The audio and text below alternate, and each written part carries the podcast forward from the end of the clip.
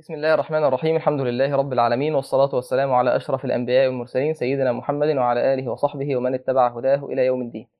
سبحانك لا علم لنا إلا ما علمتنا إنك أنت العليم الحكيم. إن شاء الله إحنا معنا مشايخنا والدكاترة دكتور أحمد سيف ودكتور أحمد عبد المنعم. آه، بإذن الله النهاردة آه، إحنا عملنا لقاء آه، استثنائي إن شاء الله يعني. عشان إحنا داخلين على رمضان وده موسم من مواسم العبادة. وإحنا حابين إن إحنا نتكلم عن شهر رمضان ونتكلم عن فضائل رمضان ونتكلم عن المشاكل اللي بتقابل كتير من الشباب وبتقابلنا إحنا شخصيا يعني في رمضان. فإحنا علشان الموضوع الحلقة فيه في وقفات إن شاء الله تكون كتيرة وإحنا نتمنى إن شاء الله اللقاء يكون خفيف بإذن الله ويبقى فيه يعني خفيف وظريف. آه، خفيف وظريف وفيه هات وخد كده. فإحنا هن يعني هندخل على طول مباشرة من غير مقدمات يعني عشان دكتور أحمد عبد المنعم يعني بيحب المقدمات. فإحنا هندخل على طول. آه، يعني هنسيب فقرة الإشكاليات هتبقى في آخر الحلقة اللي هي إيه الرد على الإشكاليات وهنسأل فيها دكتور أحمد عبد المنعم. فهنبدأ على طول في بداية الحلقة. إحنا عايزين نتكلم عن فضل رمضان. يعني لو إحنا قسمنا مثلا إيه الأصل هدفنا إحنا في الحلقة إيه إحنا ليه عايزين نتكلم عن رمضان؟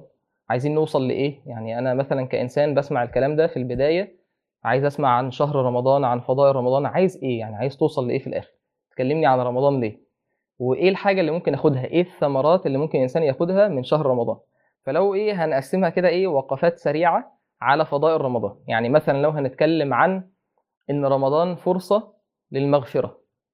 ف يعني دكتور أحمد سيف ممكن إيه يبدأ كده يستهل الحديث يقول لنا إيه إيه المغفرة في رمضان. بسم الله والحمد لله والصلاة والسلام على رسول الله صلى الله عليه وسلم. إيه، رمضان فرصة فرصة كبيرة جدا إن إحنا إيه، نتقرب الله سبحانه وتعالى، رمضان فرصة إن إحنا إيه، نتغير، رمضان فرصة إن إحنا حياتنا يعني تكون على طاعه الله سبحانه وتعالى. رمضان فرصة للبداية ولعلو الهمة. النبي عليه الصلاه والسلام بيقول من قام رمضان إيمانا واحتسابا غفر له ما تقدم من ذنبه. إيه، من صام رمضان إيمانا واحتسابا غفر له ما تقدم من ذنبه. من قام ليلة القدر إيمانا واحتسابا غفر له ما تقدم من ذنبه. إيه، النبي صلى الله عليه وسلم بيقول آه، خاب وخسر من أدرك رمضان ولم تغفر له ذنوبه. معنى كده إن إن رمضان فرصه عظيمة للمغفرة. يعني متخيل إن كله ناجح وبيقول لك خسران خسران اللي, اللي هيعدي عليه رمضان وما تغفرلوش ذنوبه. إيه، في كل في كل دقيقة من دقائق رمضان في فرصة لمغفرة الذنوب. في كل ساعة من ساعات رمضان في فرصة لمغفرة الذنوب. في كل وقت وكل عبادة وكل شخص عنده مساحة إن هو ايا كان يعني ايا كان هو بعيد قد إيه أو قريب قد إيه ايا كان هو ظالم نفسه أو مقتصد أو سابق بالخيرات ايا كان هو تقي أو هو آه، شقي يعني ايا كان مستواه الايماني مستوى العبادات مستوى المعاصي. كل إنسان عنده فرصة إن هو يتغفر له كل ذنوبه في رمضان. يعني رمضان مش رمضان نعمة نعمة كبيرة جدا. آه، آه، ربنا سبحانه وتعالى آه، طوى بها الزمان. يعني إيه طوى بها الزمان؟ يعني آه، متخيل إن أنت ممكن في خطوات كتير هتاخدها في حياتك بتضيع لك وقت كتير. واحيانا ممكن حد يدلك على على خطوة بتوفر لك 20 خطوة بتخفر لك 30 خطوة. هو رمضان كده. رمضان فرصة إن أنت بتضاعف فيه الحسنات مضاعفة غير عادية. يعني يعني بدايات ال- الهداية كلها عبر الزمان كله كانت في رمضان. سيدنا إبراهيم سيدنا موسى سيدنا عيسى سيدنا محمد صلى الله عليه وسلم. الكتب السماوية الكتب المغيرة كتب التوبة كتب ال ال ال النور كتب الهداية كلها نزلت في رمضان. كما قال النبي صلى الله عليه وسلم أبو بكر الصديق اسلم في رمضان خديجة بنت خويلد أسلمت في رمضان. النبي صلى الله عليه وسلم تغير في رمضان. رمضان آه، شهر آه، آه، الحياة. يعني رمضان شهر ينبغي إن إحنا آه، نفكر فيه ونستعد له استعداد قوي. مش ما, ما ينفعش نتعامل مع رمضان زي أي شهر تاني. ما ينفعش نتعامل مع رمضان إن هو آه، حاجة يعني إيه اهو وقت بيعدي وخلاص. رمضان شهر معظم في السماء. يعني عليه وسلم بيقول إذا كانت أول ليلة في رمضان فتحت أبواب الجنان وغلقت أبواب النيران وصفدت الشياطين ونادى المنادي يا باغي الخير أقبل ويا باغي الشر أقصر. طيب إحنا عايزين بس إيه ننسى إن يعني خلينا إيه ما نكلمش الكاميرا. يعني. ده مبدئيا كده. إحنا إيه؟ مبدئيا إحنا ما بنكلمش الكاميرا. إحنا إيه بن بنحكي. أنت من ماشي. الله يرضى عليك يا شيخ عبد. و- وإيه وخلينا يعني علشان إيه ما ندخل في الموضوع خلينا إيه مثلا إحنا عايزين نركز على نقطة ال- المغفرة. فإيه ما يعني إيه ما. نركز على الحتة دي. إحنا دلوقتي عشان بس أنا الراجل دلوقتي أنتوا اديتوني مسؤولية. ف... فعشان بس إيه بعد الحلقة. يعني آه يعني معلش يعني. إيه، طيب هو هو شيخ أحمد ماشي. هو يعني جميل إن إحنا يعني كلنا حافظين أحاديث إن رمضان فيه هو شهر المغفرة في فرص في مغفرة في الصيام وفي القيام وفي العشر الأواخر من قام ليلة القدر. والنبي عليه الصلاة والسلام قال من أدرك رمضان ولم يغفر له فأبعده الله. لكن أنا أحيانا ببقى عايز أعرف يعني هي المغفرة دي بالنسبة لي إيه؟ يعني يعني أيوه إيه المغفرة؟ يعني وأنا داخل رمضان ما أنا كل ما أنا مش فاهم يعني إيه مغفرة مش هبقى مستوعب قيمة قيمة المغفرة دي وقيمة رمضان. فدكتور أحمد عبد المنعم يقول لنا كده إيه؟ يقول لنا يعني يعني يعني أنا دلوقتي لما آخد مغفرة أيوه ماشي. وبعدين لو لو.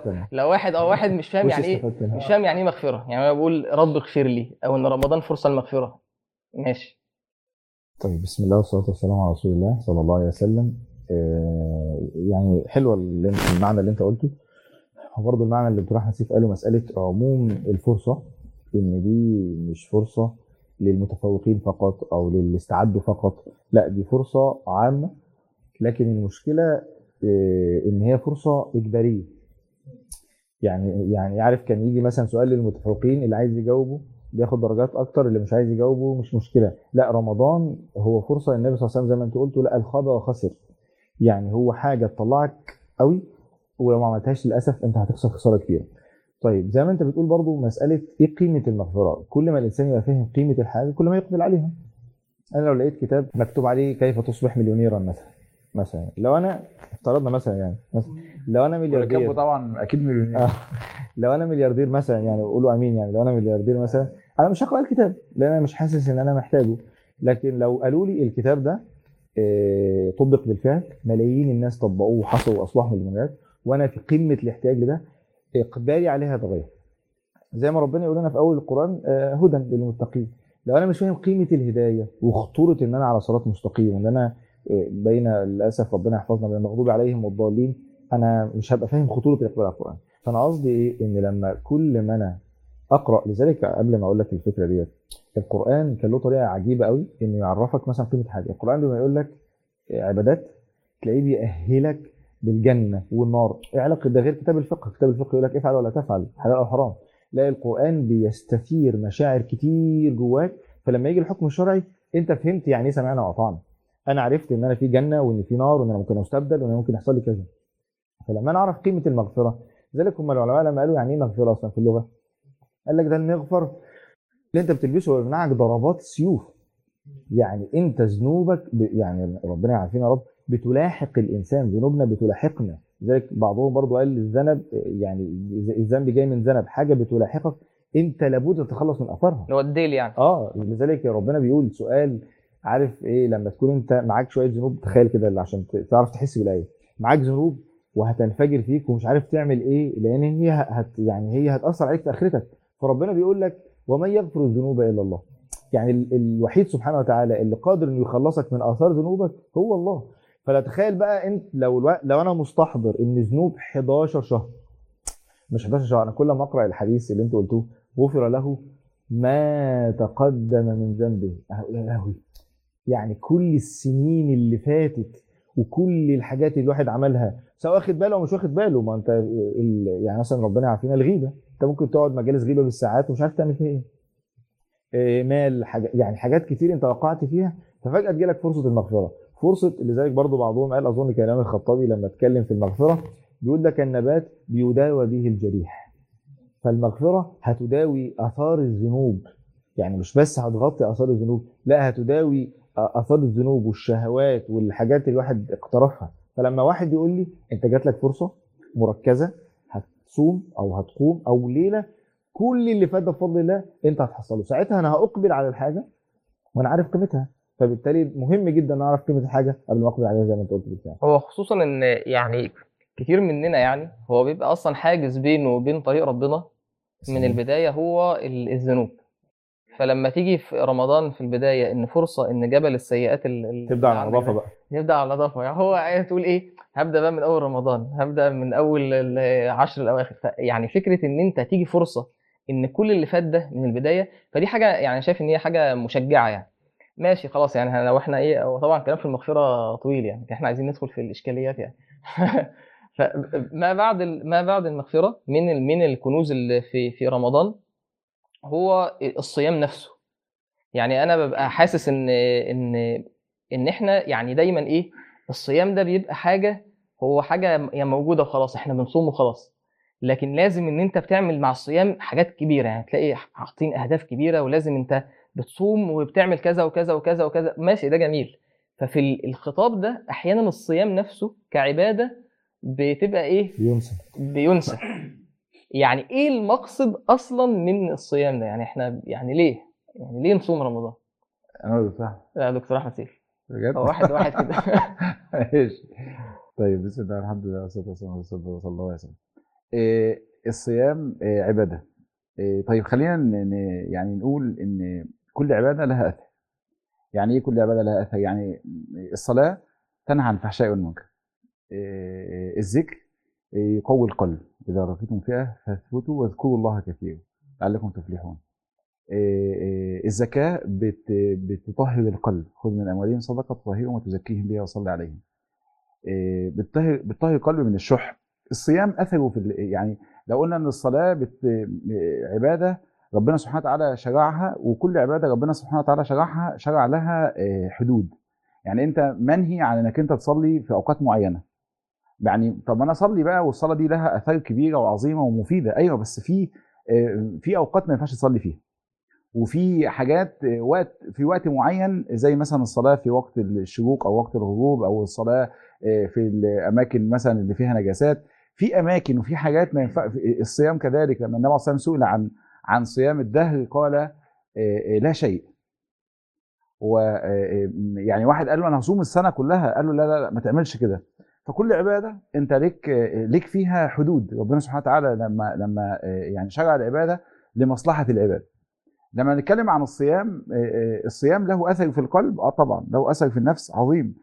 إيه أثر ال- الصيام؟ خليني أقول لك الصيام لا عدل له كما قال النبي صلى الله عليه وسلم. صلى الله عليه وسلم. إن الصيام ملوش زي ملوش زي حقيقة. ليه؟ الصيام انت بتترك احتياجاتك الرئيسية لله بتترك لذتك الرئيسية لله. يعني انت آه، واحد دايما أصعب حاجة إن أنا اتعودت على حاجة معينة. أصعب حاجة في التغيير إن أنا آه، حياتي بقت كده. آه، نشأت كده. المجتمع اللي حواليا كده. ال- الناس بقت مستغربة إن أنا بعمل عكس اللي هي عايزاه. يعني الناس بقى لها ترتيب معين في حياتها لها ترتيب معين في أولوياتها لها ترتيب معين في نفقتها. الصيام هنا انت انت دي عبودية لله سبحانه وتعالى هي عبودية مستقلة اللي هو ترك الطعام والشراب والشهوة من أول من طلوع الفجر إلى غروب الشمس من طلوع الفجر إلى غروب الشمس لله سبحانه وتعالى. إن أنت فكرة إنك تستطيع إنك تترك ومش تترك بس تترك الحاجات الأساسية تترك لذتك أعلى لذة لذة ال ال ال الجماع إنك تترك ده تتركه ليه؟ لله سبحانه وتعالى ان الأكل قدامك مش هاكل ليه؟ مستني الله أكبر. وإن أنت آه، إن يعني مش هتعرف تفطر إلا لما لما يأذن لك الله. وانت بتاكل كويس وبعدين تسمع الله أكبر فتقوم تنتهي ليه؟ الفجر أذن.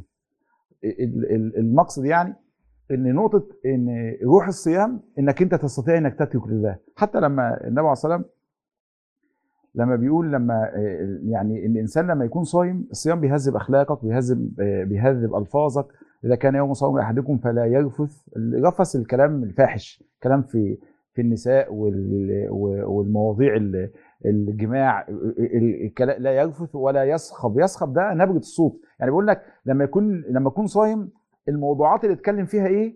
وتتكلم فيها إزاي؟ ولا يصخب. طيب لو واحد بقى جه يشتمك ولا واحد جه يرخم عليك ولا واحد جاي ينسبه أحد أو قتله فليقل إني صائم. كلمة إني صائم عارف يقول لك إيه، أنا تركت لله اللي هو أنا أنا أنا ممتنع عن حاجات أنت مش متخيل أنا ممتنع عن إيه. أنا متخيل أنا ممتنع عن طعامي وشرابي أنا ممتنع عن لذتي لله. فأنا مش هرد عليك لأن أنا هناك ما هو أولى. إيه، نقطة إذا إذا إحنا يا جماعة قدرنا إن إحنا نترك ال- الحاجات الأساسية فبالتالي يستطيع إن إحنا نترك الحاجات الإضافية. يعني إذا أنا إذا أنا قدرت إن أنا وأنا صايم أترك الطعام والشراب والشهوة الحلال المباح بل مش الحلال المباح بل الضرورية. اللي هو الإنسان بدون بدون الطعام والشراب هيموت. وبدون ال- ال- الجماع هينقطع النسل مش هيبقى فيه بني آدمين أصلا هينقرضوا. فروح الصيام إنك تستطيع إنك تترك لله.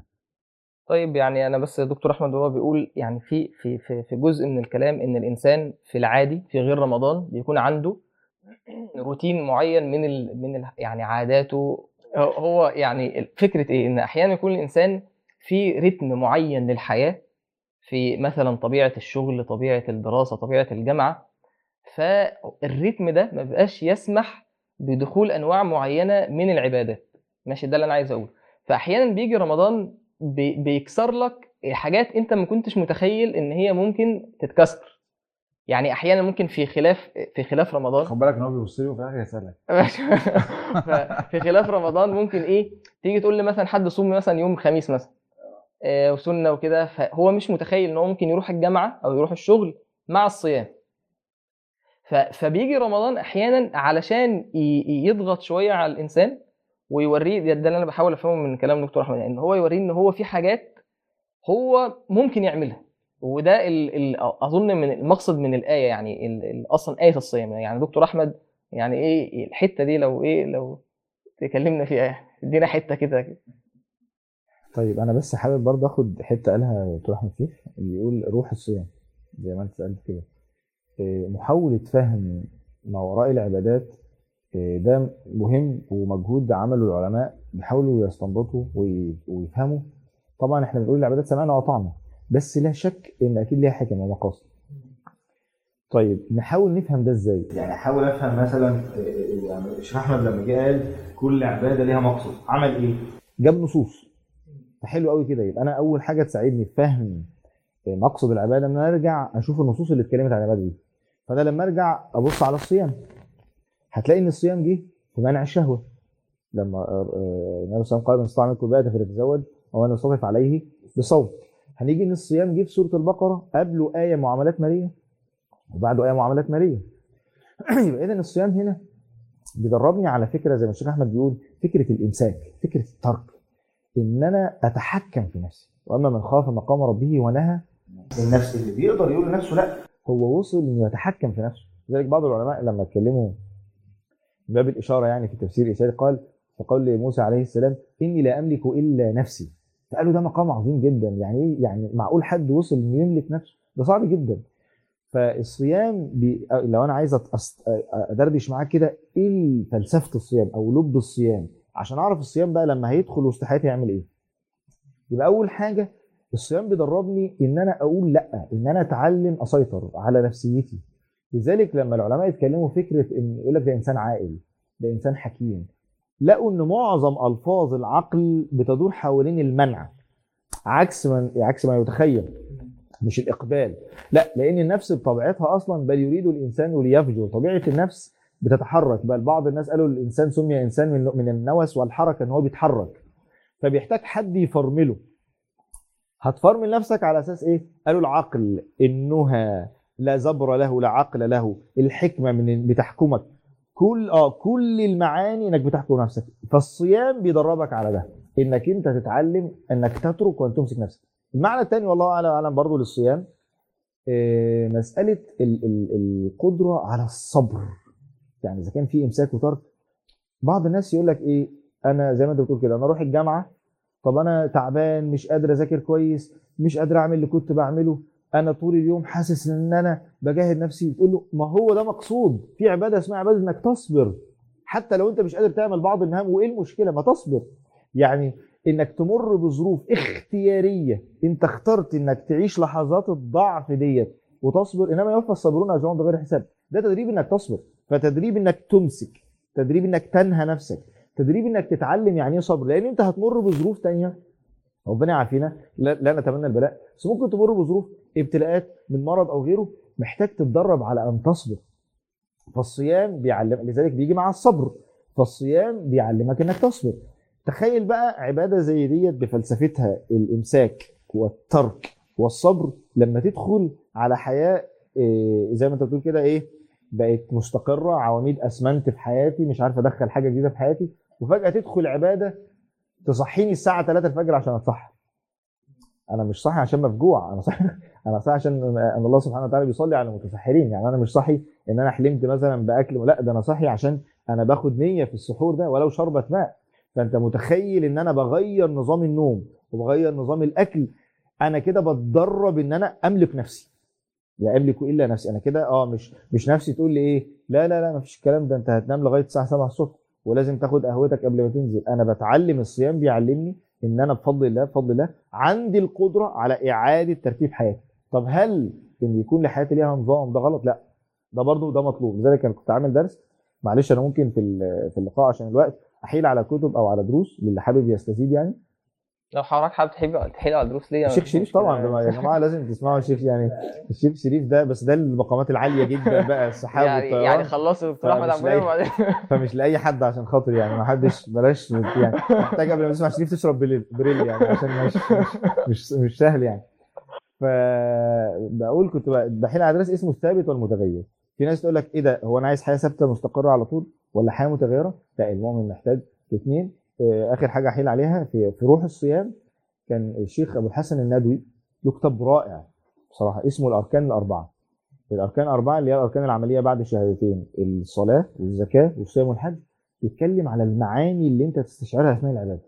أنا بحاول يعني لما بحس إن يعني إيه الواحد بيفطر في الصلاة أو رايح يعمل عمرة أو داخل على الصيام وعايز يجدد معاني برجع للكتاب ده أقرأ تستشعر معاني إيه بحيث إن أنت تدخل رمضان بهذه المعاني. طيب آه، بس جزئية في كلام حضرتك. حضرتك بتتكلم عن آه، فكرة إن الإنسان يملك نفسه لعلكم تتقون اللي هو. الغرض من الآية يعني. آه، إحنا إحنا مشكلتنا في الجيل بتاعنا يعني إن مع مع ال social media وإن الإنسان يعني بيبقى مستهلك أحيانا الواحد مثلا ممكن أتكلم عن نفسي يعني. يعني ممكن تدخل على اليوتيوب تحس إن أنت إن الموبايل هو اللي هو اللي بيملكك. وممكن أخرج من على اليوتيوب أقوم داخل تاني على اليوتيوب وأنا مش إيه يعني أنا مش عارف أنا دخلت ليه خرجت ودخلت. ف ف الفكرة دي نقطة مهمة لأن إيه أنا عايز في رمضان إن إن لو في حاجات في في المباحات بتاعتنا اللي هي الحياة بتاعتنا العادية دي فرصة إن أنا ممكن أقدر أتخلص من الرق ده يعني من استعباد التليفون ليا أو من استعباد ال social media ليا.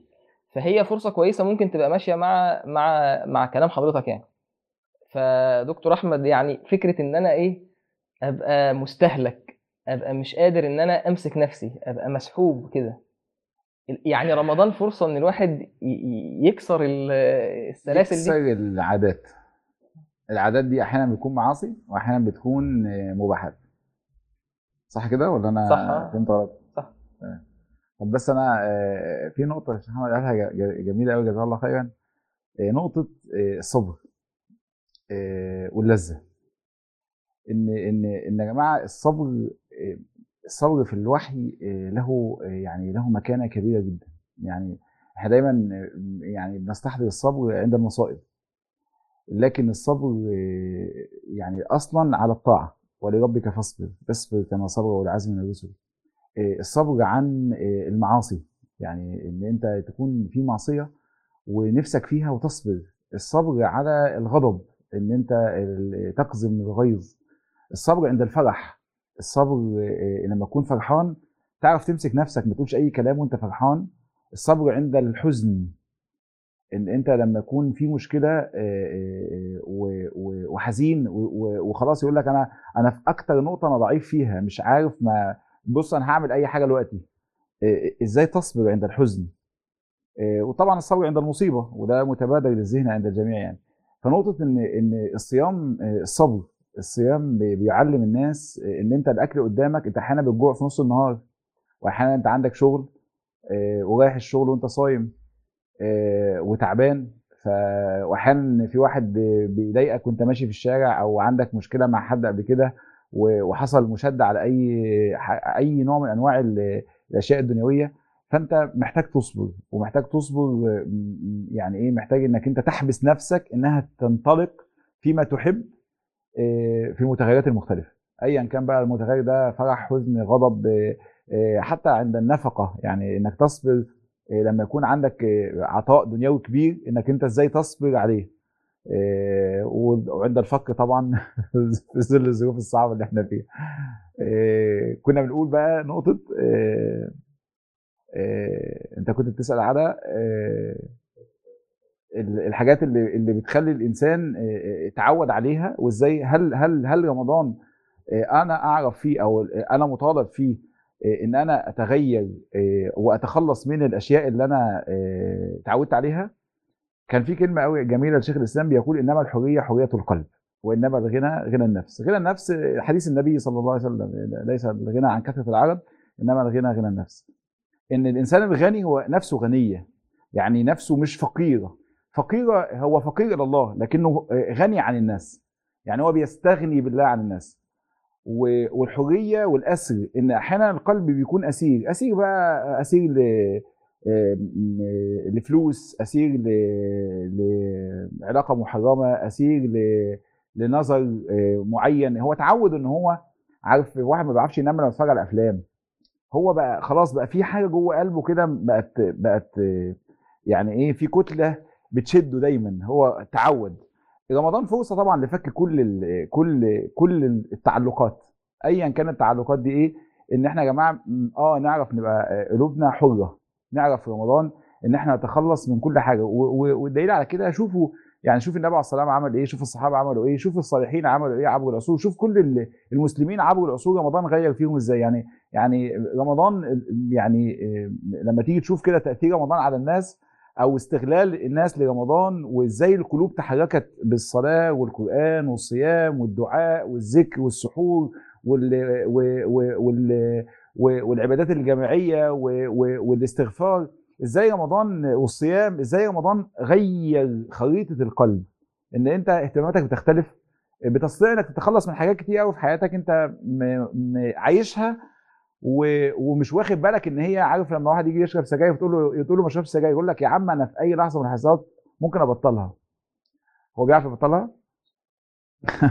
مجرد ما بيدخل بعد كده بيجي يشرب مخدرات تقول له ما تشربش ما تخش السكة دي. يقول لك يا عم أنت بتتكلم في إيه؟ أنا في أي لحظة من اللحظات ممكن أترك. هو متخيل كده هو عامل عامل لنفسه آه، يعني إيه آه، نوع من أنواع ال- التقييم الزائد شوية يعني.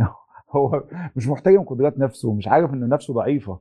لما بيدخل في علاقة محرمة تقول له ما تخشش في العلاقة دي يقول لك إزاي؟ ده أنا في لحظة أنا ما بيهمنيش أي حد أنا أنا بص أنا قلبي في إيدي أعرف أقول لأ أنا راجل بفكر كويس جدا. وبعد كده بتفاجئ إن هو بقى أسير. كل أسير يا جماعة لغير الطاعة أو لغير الله إيه، تعيس. النبي عليه الصلاه والسلام بيقول تعيس عبد الدرهم تعيس عبد الدينار تعيس عبد تعيس تعيس تعيس حزين تعبان آه، كل حد انت افتكرت ليه في الدنيا هتتعس بيه. طيب أسعد إزاي؟ السعادة في آه، آه، العبودية. طيب ده كلام جميل قوي وعالي قوي عايزين ننزل عايزين بقى إيه؟ إحنا يعني جميل يعني لما بنتكلم عن مقاصد الصيام وإن ده تقوى وإن أنت تعرف تبقى قوي الإرادة وحلو. طب يعني إحنا عايزين ندخل الجنة يعني هو الصيام ممكن ممكن الصيام يدخلك الجنة؟ يعني الصيام ده لو كعبادة هي بتدخل الجنة؟ أنت بتسال إحنا شايف أسئلة سهلة على فكرة. لا ده سؤال سهل لا خالص لا. أنت من ساعة ما جينا وأنت بتسأل أنا هقعد هنا. فكرني هخليها الشفوي سؤالين لا أنا عايز طيب ماشي خلاص. أيوه. يا عم سامي دخلك الجنة. أيوه يعني يعني ده سؤال سهل يعني. سؤال سهل يا عم دخل أيوه بيعمل. دخل كده آه يس انه آه يدخل. يع- يعني أحيانا بيبقى بي يعني بيغيب عننا المعنى ده في العبادة. إن يعني ع- كن كنت لسه بنقرأ حديث لما النبي عليه الصلاة والسلام آه، سأل الرجل قال ما تقول في صلاتك؟ آه، قال أقول آه، اللهم إني أسألك الجنة وأعوذ بك من النار أما والله إني لا أحسن دندنت- دندنتك ولا دندنة معاذ. قال حولها ندندن كلنا يعني في الآخر يعني فكرة إن رمضان بيبقى محطوط. كهدف علشان أنت كإنسان تتغير وكده ماشي وبعدين بعد ما تتغير أنت عايز تروح فين يعني في الآخر يعني هتروح فين؟ ف... فرمضان ال- المقصد منه المقصد منه يعني لو عايز نقول انت ك... كعبادة المقصد من العبودية إن أنت تدخل الجنة وربنا يرضى عنك وربنا يرحمك وينجيك من النار. فهل ده يحصل في رمضان؟ آه، برضه معلش هاخد حتة خيط الشيخ نصيح عشان أعرف أجاوبك. آه، ما هو دخول الجنة ده يعني له شروط. يعني لما سيدنا آدم عليه السلام أخرج من الجنة فربنا قال له فإما يأتينكم مني هدى وهو نازل فأنت في حاجات عشان ترجع الجنة تاني لازم تعملها. طيب وبعد كده قال له والقرآن ده نورنا بقى ونبرسنا وهدانا. عرفنا عشان تعرف تخش الجنة لازم أعرف نفسي الأول عشان أنا أعرف أت- أتعامل مع نفسي إزاي عشان نفسي ما تخدعنيش. فلما تيجي تجمع أوصاف الإنسان في القرآن هتفاجئ إن الإنسان فيه أوصاف كويسة وأوصاف أغلبها فيها نوع من عايز أقول نوع من الذم يعني. انسان عجول انسان هدوع الإنسان يريد أن يفجر. لدرجة إن بعض المفسرين قال إن الإنسان هنا بمعنى الكافر وبعضهم قال لأ دي صفات متجذرة في الإنسان ولا بد من الإنسان أن يزكي نفسه. طيب. يبقى أنا عايز أخش الجنة وعندي بعض العوائق. منها إن الشيطان لكم عدو فاتخذوه عدوا. طيب. ومنها نفسي.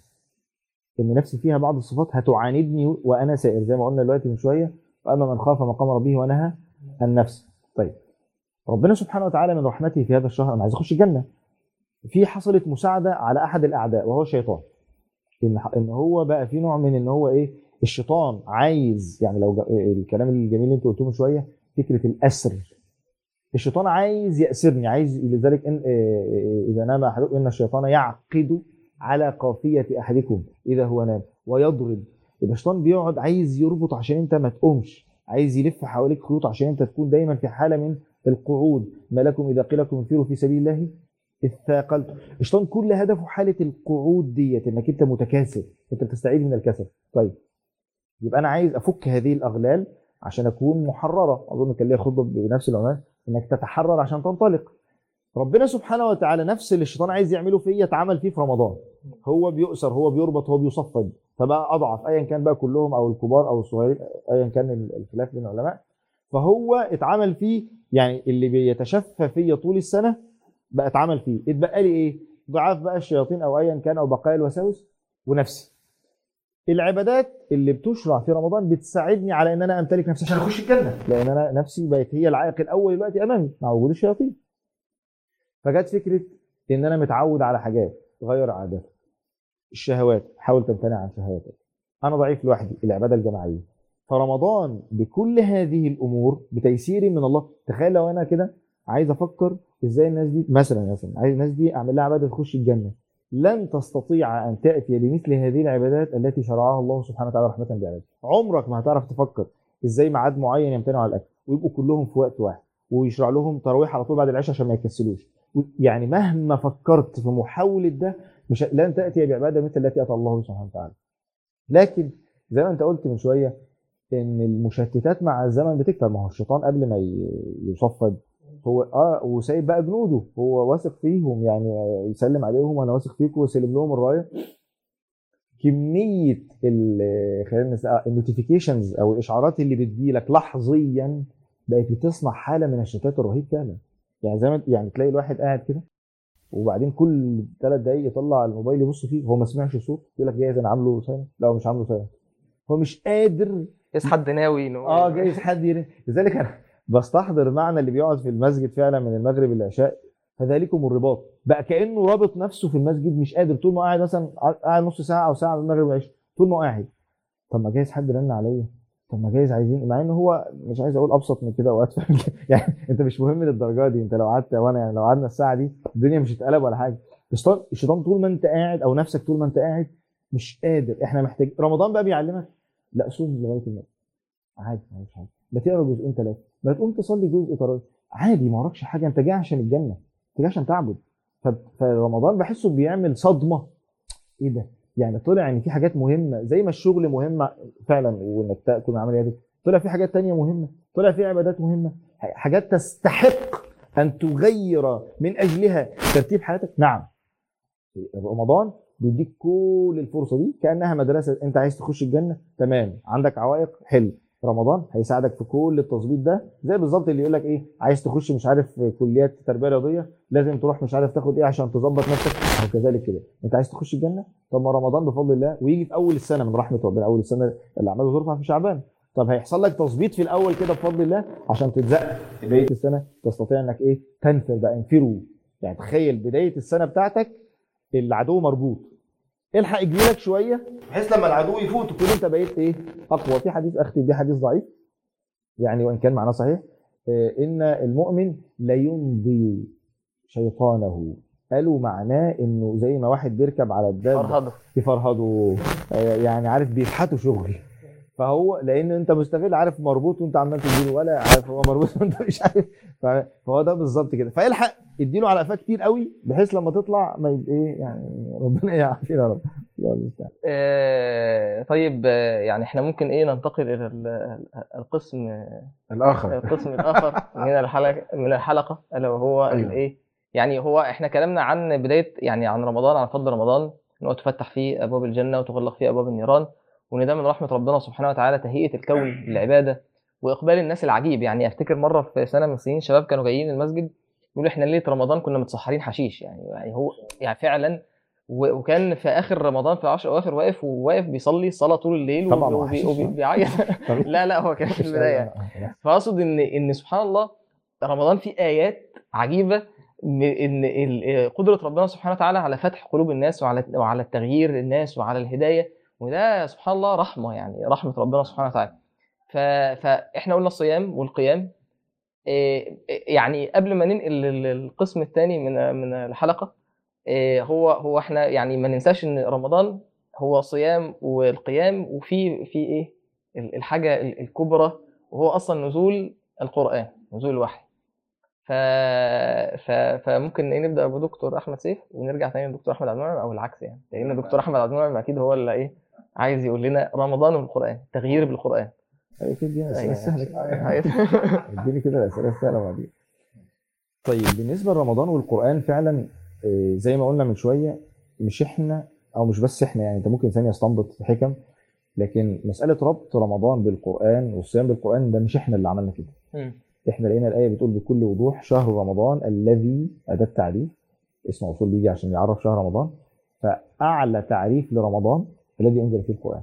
وكأن ده الخاصية الأساسية التي فضل بها رمضان عن بقية الشهور. أنت لو ال 12 شهر مفروضين قدامك كده ونزل نور على شهر معين فاصطفي هذا الشهر. بهذا النور. فربنا قال شهر رمضان الذي أنزل فيه القرآن. فعايز أقول عيب قوي وما يصحش إن رمضان علاقتنا بيه بالقرآن تبقى زي بقية الشهور. لازم يبقى لك علاقة بالقرآن طول الشهور. لكن ده ربنا قال أنزل فيه القرآن. كانت علاقة النبي صلى الله عليه وسلم مختلفة. يعني جبريل ينزل للنبي صلى الله عليه وسلم يعرضه القرآن في رمضان ويدرسه القرآن في رمضان. إذا كان أفضل الملائكة وأفضل البشر إدوا اهتمام خاص للقرآن في رمضان. أنا مش هعمل كده؟ الشيطان يجي الواحد يقول له إيه؟ إيه، لا لا عادي أنت المفروض علاقتك بالقرآن طول السنة ومش لازم تزود. إزاي يعني؟ إذا كان أفضل الملائكة وأفضل البشر والشهر ده فضل بالقران أنا ما أعملش كده؟ لا أنا لازم أدي علاقة خاصة بالقرآن. طيب إيه قيمة بقى رمضان مع القرآن؟ ودايما الصيام يجي مع القرآن. أنا دايما بحس والله أعلى واعلم المعنى ده. لحظات تلقي القرآن لحظات مهيبة. بل لحظات مدرسة القرآن لحظات مهيبة. يعني خمسة ستة قاعدين في مسجد في آخر الدنيا قاعدين بس بيقروا القرآن ويتدارسوا فيه حدث عادي بالنسبة لل يعني ما حصلش حاجة. تفاجأ إن الملائكة تنزل تحفهم يذكرهم الله في من عنده. السكينة الرحمة في يعني كل التغيرات دي بيعملوا إيه؟ يعني ما يعني مش قصدي بيعملوا حاجة لحسن يحصل لهم حاجة يتاخد ولا حاجة قصدي يعني دول بيتدرسوا القرآن ما بيعملوش حاجة غلط يعني. فكل ال- الحدث ده عشان مدرسه كتاب ربنا سبحانه وتعالى. فلما ال- ال- القرآن لما يجي بقى مع رمضان الفكرة اللي أنا عايز أقولها هي أشبه بيه أشبه بيه عشان أقولها يعني إيه؟ أنت تحاكي وتشابه اللحظات الأولى لنزول الوحي. النبي صلى الله عليه وسلم شايف المجتمع مليان معاصي ومليان شرك. طب هو عايز اداه يغيرها.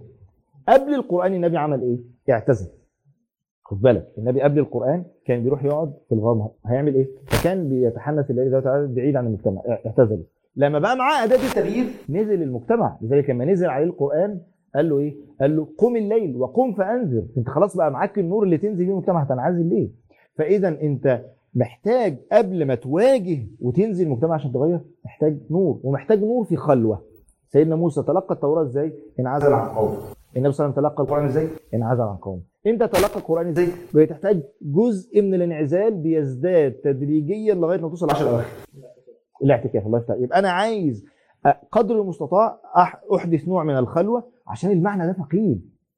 أنا سنلقي يا جماعة القرآن مش طرف، أنا سنلقي عليك قولا ثقيلا. هذه المعاني الثقيلة تحتاج حالة من الانعزال والخلوة عشان يتلقى المعاني. دي أول ما تتلقى المعاني هتعرف تنزل تلقائيا. يعني ما فيش حد بيتلقى معاني الوحي يستطيع أن يسكت. القرآن بيحركك تلقائيا. أو من كان ميتا فأحييناه وجعلنا له نورا اللي هو الايه؟ القرآن. أول ما جه النور إيه اللي حصل؟ يمشي به في الناس مش هيتحمل. القرآن بيدفعك للحركة تلقائيا للتغيير في المجتمع. النبي صلى الله عليه وسلم في الحديث صحيح مسلم لما ربنا قال قال إني بعثتك لأبتليك ولابتلي بك. وإن الله وإن ربي أمرني أن أحرق قريشا. فالنبي صلى الله عليه وسلم قال يا رب إزاي؟ اذا يتلغوا رأسي. طب أنا كده مش هعرف. فقام قال له إيه؟ وأن... طب الزاد. وأنزلت عليك كتابا لا يغسله الماء تقرأه نائما ويقراه يبقى المهام الصعبة تحتاج إلى زاد ثقيل. فبالتالي أنت بادئ السنة بتاعتك. وعايز تكون العبودية قيمة وعايز تصل إلى الجنة وعايز عايز لازم زاد لازم نور. مفيش حاجة في الحياة إلا وتحتاج إلى زاد. ربنا خلق كل الخلق مفتقر. الله سبحانه وتعالى غني فأنت تحتاج إلى زاد من كتاب الله سبحانه وتعالى. وأعظم فرصة في رمضان. طيب ننتقل إلى الجزء الثاني من الحلقة. كفاية كده. آه، طيب آه، إحنا عندنا عندنا الدعاء والأخلاق لا دي أسئلة ال- ماشي. أسئلة ال- الجمهور. الجمهور إحنا عملنا. استطلاع رأي واستفتاء آه، على الأسئلة اللي هن- هنخلي إشكاليات زي ما اتفقنا الإشكاليات للدكتور أحمد عبد المنعم والمشكلات لدكتور أحمد سيف بالظبط كده عشان إيه عشان نبقى على نور كده يعني. طيب آه، آه، يقول السائل آه، أنا عايز أجاوب على الاشكاليه إيه، طيب يا دكتور أحمد آه، إحنا عايزين يعني عندنا مشكلة يعني دي مشكلة مش إشكالية. مش إشكالية. آه المشكلة آه. إن إن أحيانا إحنا بنحط رمضان خطط آه، ضخمة. يعني هو بيبقى بالنسبة له إن هو رمضان ده بيسمع خطابات كتير. قبل. رمضان وإنت لازم ومش... وتعمل ختمة كاملة وتعمل مش عارف. فأحيانا إيه بيحط مشاريع كبيرة جدا. ماشي؟ يعني أنا أفتكر حد مثلا من الشباب هو ما قرأش كتاب تفسير في حياته. وكان ناوي في العشر الأخ... الأواخر يختم ختمة آه، من, عارفه، عارفه. من التفسير إيه عارفهم. يعني هو لقيته فأنا قلت له قلت له إيه قلت له اقرأ جزء عام بالتفسير ولو قرأته يبقى أنت كده أنت كده أنت كده. ناجح. قال لي لا وهعمل قلت له طب خلاص. اقرأ اقرأ من قاف يعني اقرأ من قاف ل للناس. أنا عاي... والله العظيم فعلا ده حصل. هو وقف في سورة الذريات يعني قرا قاف والذريات ما شاء بالتفسير. الله كده. يعني هو بتفسير مختصر. يعني مختصر. جمع بقى. يعني خلص القاف وإيه ودخل على آه. الذريات. ف... فأحيانا إحنا نحط مشاريع ضخمة لرمضان مع عدم مراعاة الإمكانيات آه، الشخصية. فبيجي اولا بيصطدم بالواقع إن أنا إيه ده أنا ده أنا ما أنا أصلا عندي مشكلة في الصيام أنا مش عارف مش عارف أمسك المصحف وأنا صايم يعني أنا عندي مشكلة في ده. فيتفاجأ بان هو ال- في الواقع طلع مش مش قد ال- الخطة دي. ويحصل له حالة من ال- الفتور. فبياخد غطس كده بيصحى تاني في العيد يعني. هو بيصحى في. العيد. فماذا تقول. رحمك الله؟ بسم الله الرحمن الرحيم. خلينا نتكلم في نقطتين عشان الوقت سريعا. النقطة الأولانية نقطة آه، بلاش نتعامل مع رمضان على إنه وحده كاملة. خلينا نتعامل مع رمضان إن هو جزئيات. يعني آه، يعني فكرة إن أنا أبقى مثالي آه، إن رمضان على بعضه فيا إما آخده على بعضه يا إما أسيبه على بعضه دي مش موجودة أصلا. بمعنى إيه؟ بمعنى إن أنا آه، كل ساعة في رمضان أنا ممكن أستغلها. وكل دقيقة في رمضان أنا ممكن أستغلها. فبلاش فكرة إن أنا آه، آه، لو قعدت مثلا ضاع مني النهارده الفجر فكده اليوم ضاع اتضرب نبدأ الفجر الجاي. وبعدين الفجر الجاي آه، صلاة الفجر والظهر والعصر وجيت المغرب اتضرب مني في الجامع. فقمت قايل إيه؟ لا كده باظت أنا هبدأ السبت الجاي ان الأسبوع ده اتضرب أصلا. وبعدين آه، حصلت مني موقف فقمت آه، وقعت مرة تانية مثلا في في, في أي حاجة بقى آه، وغضبت مثلا و و و وما عرفتش أمسك نفسي ولساني فلت مني وأنا صايم. فقلت لا لا لا آه، بص رمضان ده باظ. أنا هبدأ في العشر الأواخر. جيت في العشر الأواخر حصلت واحد صاحبي عم- عمل حادثة أو حصل عندي ظرف أو اي ايا كانت شغلت في حاجة كان عندي امتحان. 27 ما ذاكرتش قمت قايل خلاص بقى السنة دي باظت. السنة الجاية إن شاء الله أنا هبدأ على نظافة. طبعا ده تخريف. يعني إيه؟ خلينا نغير آه، يعني إيه؟ نغير الفكرة المثالية إن رمضان وحده على بعضها. يا جماعة كل الناس آه، يعني إيه؟ آه، طبيعي إن هو بيعمل طاعات وبيعمل معاصي وإن هو الإنسان ضعيف وإن هو يقدر على حاجات وما يقدرش على حاجات وإنه في حاجات بتيجي بالمحاولة وبالتجربة وبال وبالتدريج. فالنقطه الأولانية نفهم إن كل دقيقة في رمضان لها قيمة. ولو أنا ضيعت دقيقة خلي امسك الثانية ولو ضيعت الدقيقتين خليني امسك الثالثه ولو ضيعت الساعة خليني امسك في اليوم اللي بعده ولو ضيعت النهارده صلاة يعني لما يبقى, يبقى اليوم فيه أربع صلوات آه، في المسجد وصلاة ضاعت إيه، ولا يبقى مفيش صلاة خالص؟ عشان أنا إيه، النهارده باظت وأصل أنا ما عرفتش بعد الفطار آه، اصحابي عدوا عليا وما عرفتش أمسك نفسي فروحت معاهم فمش عارف فين فخربتها الليلة ديت. فأنا قررت إن أنا بما إن أنا خربتها الليلة ديت أو عملت معصية أو معاصي الليلة ديت إن أنا ما أكملش. فدي رقم واحد. إن إحنا رمضان مش وحده واحدة رمضان كل دقيقة فيه كنز. إيه، و- واللي فاتوا واللي فاتوا كنز يعرف يمسك في التاني. النقطة الثانية كل بني آدم خطاء. انا خلينا نتعامل مع أنفسنا بواقعية شوية. يعني إيه إيه كل بني آدم خطاء؟ ده حديث النبي صلى الله عليه وسلم إن عادي اغلط. وبدل ما أنا هكلمك إنك تحط برنامج عالي قوي إن أنا إيه إيه، هخلص تفسير ال- القرآن وه وه وه وه وهجتهد إن أنا إيه، يعني إيه مفيش وقت دقيقه في هتضيع. يا عم خلينا على قدنا. يعني ما تبنيش ما تبنيش إيه، جدول ما تحطش جدول أنت عمرك ما عشته في حياتك أصلا إلا مثلا مرة كنت في الحرم وكنت يعني إيه يعني إيه ربنا ييسر لك إنك عملت اليوم ده في حياتك مرة في حياتك. ابني على الواقعية. يعني ابني على الواقعية يعني حط جدول سهل بسيط. بتراعي فيه إيه، إمكانياتك نومك أكلك انشغالاتك علاقاتك بتراعي فيه دراستك أو شغلك وفي نفس الوقت تعرف تعبد ربنا. فواحد هيقول لي طب بس أنا كده يعني إيه عندي مساحات أكبر. عارف لما لما لما عبد الله بن عمرو بن العاص النبي عليه إيه، سمع عمرو بن العاص اشتكى للنبي عليه والسلام وقال له إن إن أنا جوزت عبد الله بن عمرو. كان عنده وقتها 10 أو 11 سنة. وبعدين قابلت بقى حماة أو زوجته يعني فبسألها أخبار الزوج إيه فقالت له والله راجل صالح جدا يعني أنا ما بشوفوش لم يوطئ لنا كنفا هو يصوم بالنهار ويقوم بالليل. فالنبي عليه الصلاه والسلام قال له طب ائتني به. فقال له تعالى. قال له أنت بتقرأ القرآن في قد إيه؟ فقال أقرأه كل ليلة. فالنبي عليه الصلاه والسلام قال له اقرأه كل أربعين. إيه، هنا النبي عليه الصلاه والسلام مش بيقول له قلل عبادتك. يعني النبي النبي عليه الصلاه والسلام بيقول له ركز إن أنت عندك عبادات أخرى. وفي الآخر الحديث بقى لما قال في كم تصوم قال أصوم كل يوم قال آه، صوم يوما وافطر يوم قال آه، آه، أو قال صوم ثلاثة أيام من كل شهر قال صوم يومين في الآخر الحديث وافطر يوما بعد كده قال له صوم يوما ويوما قال أطيق أكثر من ذلك قال ليس أكثر من ذلك. هنا النبي عليه الصلاه والسلام في آخر الحديث بيقول إن إن لزوجك عليك حقا وإن لنفسك عليك حقا. وإن لربك عليك حقا وإن لزوجك عليك حقا فأعطي كل ذي حق حقا نقطة مهمة إن إحنا يا جماعة محتاجين نكون واقعيين وإحنا بنحط جدول رمضان.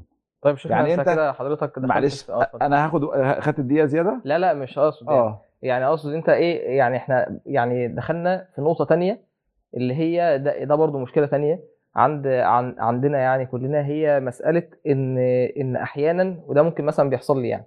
يعني ممكن إيه تبقى أنت في دماغك عبادات معينة أنت يعني منشن عليها دي بالنسبة لك اللي شايف ده معيار النجاح بالنسبة لك أنت. طيب يعني- خليني أكمل النقطة ديت وه- وه- وهاجي على نقطة تنويع العبادات ديت. طيب. خلينا بقى في سؤال تاني. ماشي. أنت بتسأل السؤال إن الناس بتحط خطط كبيرة فأنا حديث عبد الله بن عمرو بن العاص ده آه، هنفهم منه حاجة إن كل واحد بيحط خطة لنفسه على قدره النبي صلى الله عليه وسلم لما سئل آه، عن صيامه غضب.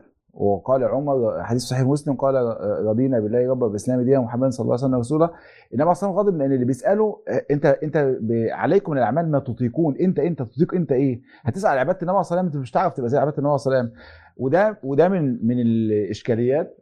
من المشكلات. اللي اللي اللي بتقع مثلا تلاقي واحد مثلا كاتب مثلا على عبادات معينة عليك إنك جدول عبادة معينة. هو ده يناسب مجموعة من الناس. لكن ممكن مش هيعرف يناسب الجميع. الوح... الحاجة الوحيدة اللي ينفع تعمم على الناس الوحي العام. كل واحد له عبادته الخاصة وينبغي إن هو آه، أنا بقول دي من المشكلات والإشكالات إن الواحد يقوم كاتب مثلا آه، آه، مجموعة كتب كل الناس تشتريها. وهم لازم بعض الكتاب مثلا. أو واحد مثلا كاتب مثلا عبادات معينة جدول كل الناس تعملها. يا جماعة اللي هيحط جدول يراعي فيه إن رمضان مش واحدة كاملة إن هو ممكن يخطأ عادي وإن هو محتاج إن هو يقوم. وإن هو يراعي فيه إمكانياته هو اللي هو آه، الحديث اللي كنت بقول لك عليه آه، إن النبي عليه الصلاه والسلام لما لما سئل عن صيامه غضب النبي صلى الله عليه وسلم. ليه؟ لأن الصحابي اللي بيسأل هو مش هيعرف يعمل زي النبي عليه الصلاه والسلام ولما سئل عن صيام يومين و- وإفطار يوم قال ومن يطيق ذلك. فسئل عن آه، إفطار يومين وصيام يوم فقال ليت أن الله قوانا لذلك. النبي عليه الصلاه والسلام هنا بيقول بيقول للصحابة أنا يا ريت إن ربنا يقويني على ده. وبعدين سئل عن عن صيام الدهر قال لا شيء كده سئل عن آه، صيام قال سئل عن أفضل الصيام قال أفضل الصيام صيام داوود كان يصوم يوما ويفطر يوما. هنا نقطة إن إن على فكرة آه، النبي عليه الصلاه والسلام يقول أفضل الصيام صيام داوود ده على مستوى الاستمرار لأن النبي عليه الصلاه والسلام صيامه أحسن من صيام داوود عليه السلام. لكن النبي عليه الصلاه والسلام هنا بيراعي مسؤولياته بيراعي عباداته. فكل واحد هيحط برنامج ال- الزوجة يعني متزوجة جديد غير الأم الأربع أبناء غير ال- الشاب اللي في في مرحلة آه، مثلا الجامعة غير الشاب اللي اللي متجوز ولسه جديد وبيشتغل كذا شغلانة غير ال- الراجل اللي عنده 50 سنة. كل واحد هيحط برنامج لنفسه سواء في علاقته مع القرآن سواء سواء في وقت قيام الليل آه، سواء في آه، عباداته النهارية وعباداته الليلية. لكن خلينا نبقى جداولنا واقعية. طيب. يعني هروح للدكتور أحمد عبد المنعم وهنرجع تاني عشان إيه؟ تعالى اتفضل. عشان نرجع للسؤال الاولاني تعالى آه، دكتور آه، يعني آه، القيام عبادة آه، واضحة في رمضان واضحة في حديث النبي صلى الله عليه وسلم من قام رمضان. ف- ففكرة القيام في رمضان مع القرآن وسماع القرآن آه، إزاي دي بتساعد في تغيير الإنسان؟ يعني عموما يعني فلسفة القيام روح القيام لب القيام. هقف بقى أنا كده؟ قول. طيب. بسم الله. آه يعني القيام أنا بحسه أشبه بيه يعني إحنا اتكلمنا من شوية عن القرآن قبل ما ندخل في الإشكاليات يعني. القيام ده الوعاء اللي, اللي آه، أفضل وعاء يسكب فيه القرآن هو القيام. يعني لما لما ربنا اتكلم على قيام الليل اتكلم على ما يحدث في القيام من خلال القرآن. قال إن ناشئة الليل هي أشد وطئا في قراءة وطاء وأقوى مقيلا. هنا اتكلم عن أثر ما يفعله القرآن في القيام. يبقى وكأن من المعاني المحورية في القيام ده ال- الطريقة المثلى للتعامل مع القرآن أن يقرأ بالليل في صلاة. يعني أنت ليه؟ لأن أنت ده حل مثالي لأن أنت عايز خلوة وعايز تركيز. دول بيجوا في الصلاة بالليل. فلما أكون أنا واعي ده أفضل الصلاة طول القنوت. قيل طول القيام. على خلاف بقى هل كثرة السجود مش مش قصدي دلوقتي أرجح. لكن طول الصلاة بيعطيك إنك أنت تستوعب معاني ال- الوحي. لذلك كتير من السلف كان يحب إن الناس تسمع للقرآن في التراويح. عادي أظن كان مروي عن أحمد بن حنبل رضي الله عنه. مسألة إن هل يستحب ختمة؟ هل خلاف هل لازم نختم ولا مش يستحب؟ قال لك الناس آه تسمع القرآن. فالناس دي ممكن تكون الفرصة خير الفرصة الوحيدة في قيام الليل إنك تسمع القرآن كاملا. فالقيام هو الوسيلة اللي ربنا قال عليها إن ناشئة الليل أشد وطئا. من معاني الوطء الضغط.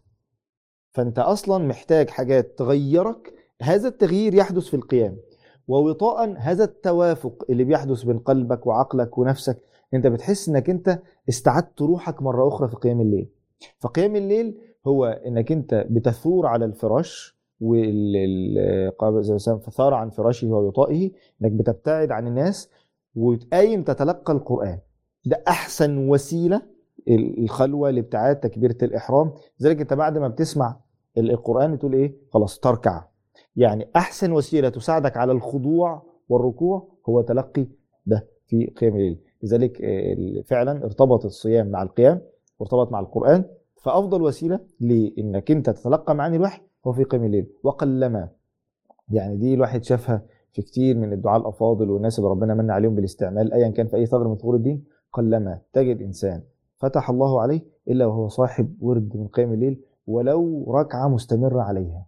قلما تجد انسان لذلك ربنا قال في آخر السورة وده إن كنت أنا بقفز على إشكالية ممكن تيجي يعني قال في آخر سورة المزمل عن أكتر ثلاثة ممكن يبقوا مشغولين اللي مشغول بأمر قدري زي المرض أو اللي مشغول بتحقيق الكسب المادي الحلال واللي مشغول في أعلى ثغر من ثغور الدين وهو الجهاد. ربنا قال عن الثلاثة فاقرأوا ما تيسر منه أي من القرآن اللي العلماء يقولوا أي في قيام الليل. طب ما قالش ليه فقوموا الليل؟ لأن ده مفهوم إن ده أعلى وسيلة لتلقي القرآن هو في قيام الليل.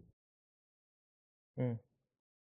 طيب نرجع بقى تاني. ارجع بقى للإشكاليات. نرجع تاني للإشكاليات. إيه، يا دكتور أحمد يعني يا دكتور أحمد سيف يعني. أيوه. نرجع بقى للسؤال بتاعي تاني يعني. اللي أحيانا بيبقى الواحد آه، ليه رؤية معينة في العبادات هو شايف إن العبادات دي لما هو بيعملها بيشعر بالرضا إن هو حاسس أنا طول ما أنا بصلي قيام ليل وورد القرآن بتاعي تمام وفي استقرار في بعض العبادات اللي هي بالنسبة لي بحس إن هي بتجيب معايا يعني آه، أنا ببقى كده تمام. أول لما بتحصل أي حاجة بتغير ال- ال- الروتين الثابت ده في العبادة آه، أنا ببتدي إن أنا إيه أتوتر. أتوتر و- وأتشتت وأبقى محبط وأحس إن أنا ربنا آه، غضبان ضعف. عليا. يعني مثلا مثلا يعني أضرب مثال عشان يبقى الدنيا واضحة. ممكن مثلا إيه أنت حاطط مثلا خطة إن أنا النهارده مثلا هقرأ كذا آه، تفسير أو هقرأ جزء أو هعمل مش عارف إيه على حسب آه، إمكانيات الإنسان يعني. وبعدين جت جنازة مثلا أو أمك طلبت منك طلبت منك إن أنت توصلها مشوار. أو قالت لك روح مش عارف فلانة اديها مش عارف شنطة رمضان أي أي حاجة يعني. آه. فأنت بتبتدي تشوف إن ده ضيع لك الإيه اليوم. آه أنت خرجت. بره الجو. أو نزلت احتكيت آه. بالناس فأنا كده خلاص إيه اليوم ده كده أنا باظ بقى يعني مفيش مفيش مشكلة. ف ده مشكلته إيه يعني؟ سبب المشكلة إيه؟ طيب إيه ده مشكلته إن إحنا إيه، اختصرنا العبادة واختزلنا العبادة في إيه، حاجات معينة عملناها جدول في حياتنا. الحقيقة إن ربنا سبحانه وتعالى لما خلق الإنسان م- جعل إيه، الناس يحتاج بعضها إلى بعض. كل واحد محتاج محتاج حاجات جنبه كتير ومحتاج ناس اللي حواليه كتير وطرق العبادة لا حصر لها. يعني كان كانوا يقولون لل- للعبد في كل نفس عبودية. وعدد آه، آه، العبوديات بعدد أنفاس البشر. يعني ممكن خلينا نوسع دماغنا في العبادة شوية. إن أحيانا بيبقى المشكلة فين؟ إن أنا آه، فاهم إن أنا رمضان إن أنا مثلا هجيب جزء كل يوم. وبعدين فجأة لا قدر الله حد من من من البيت تعب فاضطريت إنك أنت تروح بقى مستشفى أو تجيب أكسجين أو تعمل مش عارف إيه أو إنك أنت حصل اتزنقت في في في حاجة مادية فاضطريت إنك أنت تزود شغلك أو إنك أنت أي ظرف حصل طارئ للناس. هنا دي عبودية ربنا سبحانه وتعالى قادر يستعملك فيها. وتعالى نشوف يعني النبي صلى الله عليه وسلم آه، إحنا كنا بنتكلم على الاعتكاف واهمية الاعتكاف وتلقي القرآن آه، في يعني في وقت إن واحد صايم وقاعد في بيت ربنا مفيش أحسن من كده. النبي عليه والسلام فرض عليه رمضان سنة اتنين بعد ال- الهجرة. يعني يعني في 15 سنة آه، آه، قبل آه، آه، أو 15 سنة من بعثة من بعثة النبي صلى الله عليه وسلم آه، ما كانوش بيصوموا رمضان. امال كانوا بيعملوا إيه في رمضان كانوا بيعبدوا ربنا. بس مختلفة. وبعدين لما ربنا سبحانه وتعالى آه، فرض الصيام فرض صيام رمضان ونزل سورة البقرة شهر رمضان الذي أنزل فيه القرآن هدى الناس وبينات من الهدى والفرقان. آه، آه، النبي صلى الله عليه وسلم صام رمضان وعلى خلاف بقى أو على على تدريج- الصيام عند أصحاب النبي صلى الله عليه وسلم. النبي عليه الصلاه والسلام كانت غزوة بدر. ما اعتكفش سنة غزوة بدر. هتقول لي إزاي النبي عليه الصلاه والسلام ضيع ثواب الاعتكاف؟ لا لا هو كان بيجاهد. هو ما كانش النبي عليه الصلاه والسلام بيعمل كان بيعمل عبودية تانية. إيه، وبعدين لما النبي عليه الصلاه والسلام أقام اعتكاف وبعدين نساء النبي عليه الصلاه والسلام اختلفنا وحصل غيرة فالنبي يفضل الاعتكاف وقضاء بعد بعد ذلك في شوال. هنا دي عبوديات مختلفة. النبي عليه الصلاه والسلام هنا عبد ربنا عبادة اجتماع آه، المسلمين واجتماع زوجاته على على الخير.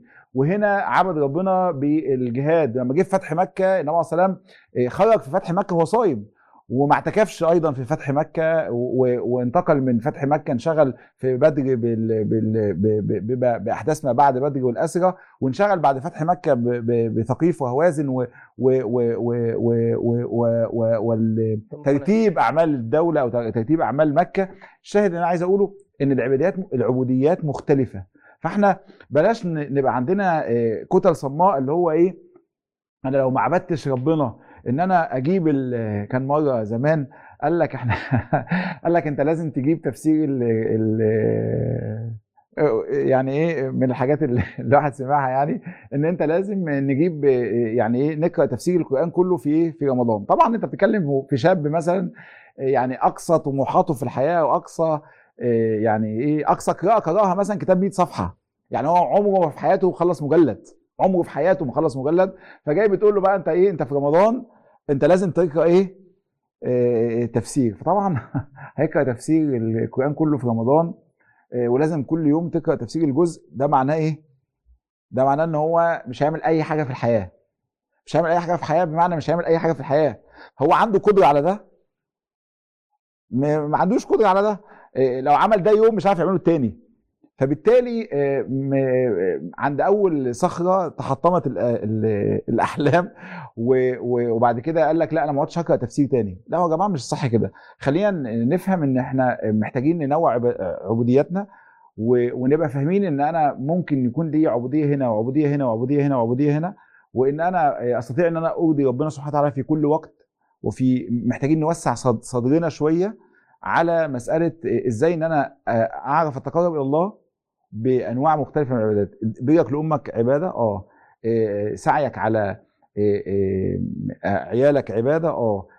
إنك أنت تصلي في المسجد وتحافظ على تكبيره الإحرام عبادة؟ لا دي عبادة مهمة قوي إنك أنت تحافظ على إنك تتلقى القرآن في رمضان؟ آه. بس إنك أنت تصوم صيام كويس. في فرق إن أنا إن أنا أصوم وخلاص وفرق إن أنا أصوم يعني أعرف عيني تصوم أعرف إن أنا لساني يصوم أعرف إن أنا أحقق صيام حقيقي. يعني أغير أخلاقي أغير ألفاظي أغير إيه، لا يكن صوم أحدكم يوم صوم أحدكم كيوم فطره إن أنا أبقى صايم يعني جوارحي تصوم بكليتها إن أنا أشعر بلذة. آه كل دي عبوديات وغيرها كثير كل واحد ربنا بيفتح له عبودية. لو جيت تشوف يعني آخر حاجة أقولها الصحابة وتنوعهم في العبوديات. يعني خالد الوليد كان بيصوم رمضان بس عبودية خالد غير أبي هريرة. غير عبوديه ابي هريرة. إيه، عبوديه إيه، عثمان غير عبوديه عبد الرحمن بن عوف إيه، كانوا كلهم بيصوموا كلهم بيقوموا جنب النبي عليه الصلاه والسلام فردي وجماعي واجتماعي. أحيانا كانوا بيتجمعوا مع بعض يصوموا يقوموا الليل واحيانا كل واحد بيقوم لوحده. أحيانا كانوا بيقوموا ورا النبي صلى الله عليه وسلم. لكن كل واحد فيهم بيجتهد على قدر ما فتح الله له. فبلاش نحط أحجار تعوقنا عن الطريق إلى الله سبحانه وتعالى. بلاش ان أنا إيه أنا مثلا عايز أبقى زي الشيخ أحمد عبد المنعم. الشيخ أحمد عبد المنعم بيدي درس مثلا فيقول لك إيه أنت هتقرأ مثلا تفسير. الشيخ أحمد عبد المنعم هيقرأ تفسير مثلا هو هيقرأ تفسير. بتاعه. آه هيقرأ التفسير بتاعه. لكن هو آه، آه، أنا آه، أنت لما هتيجي أنت واحد شاب مثلا هيسمع هيسمع خطاب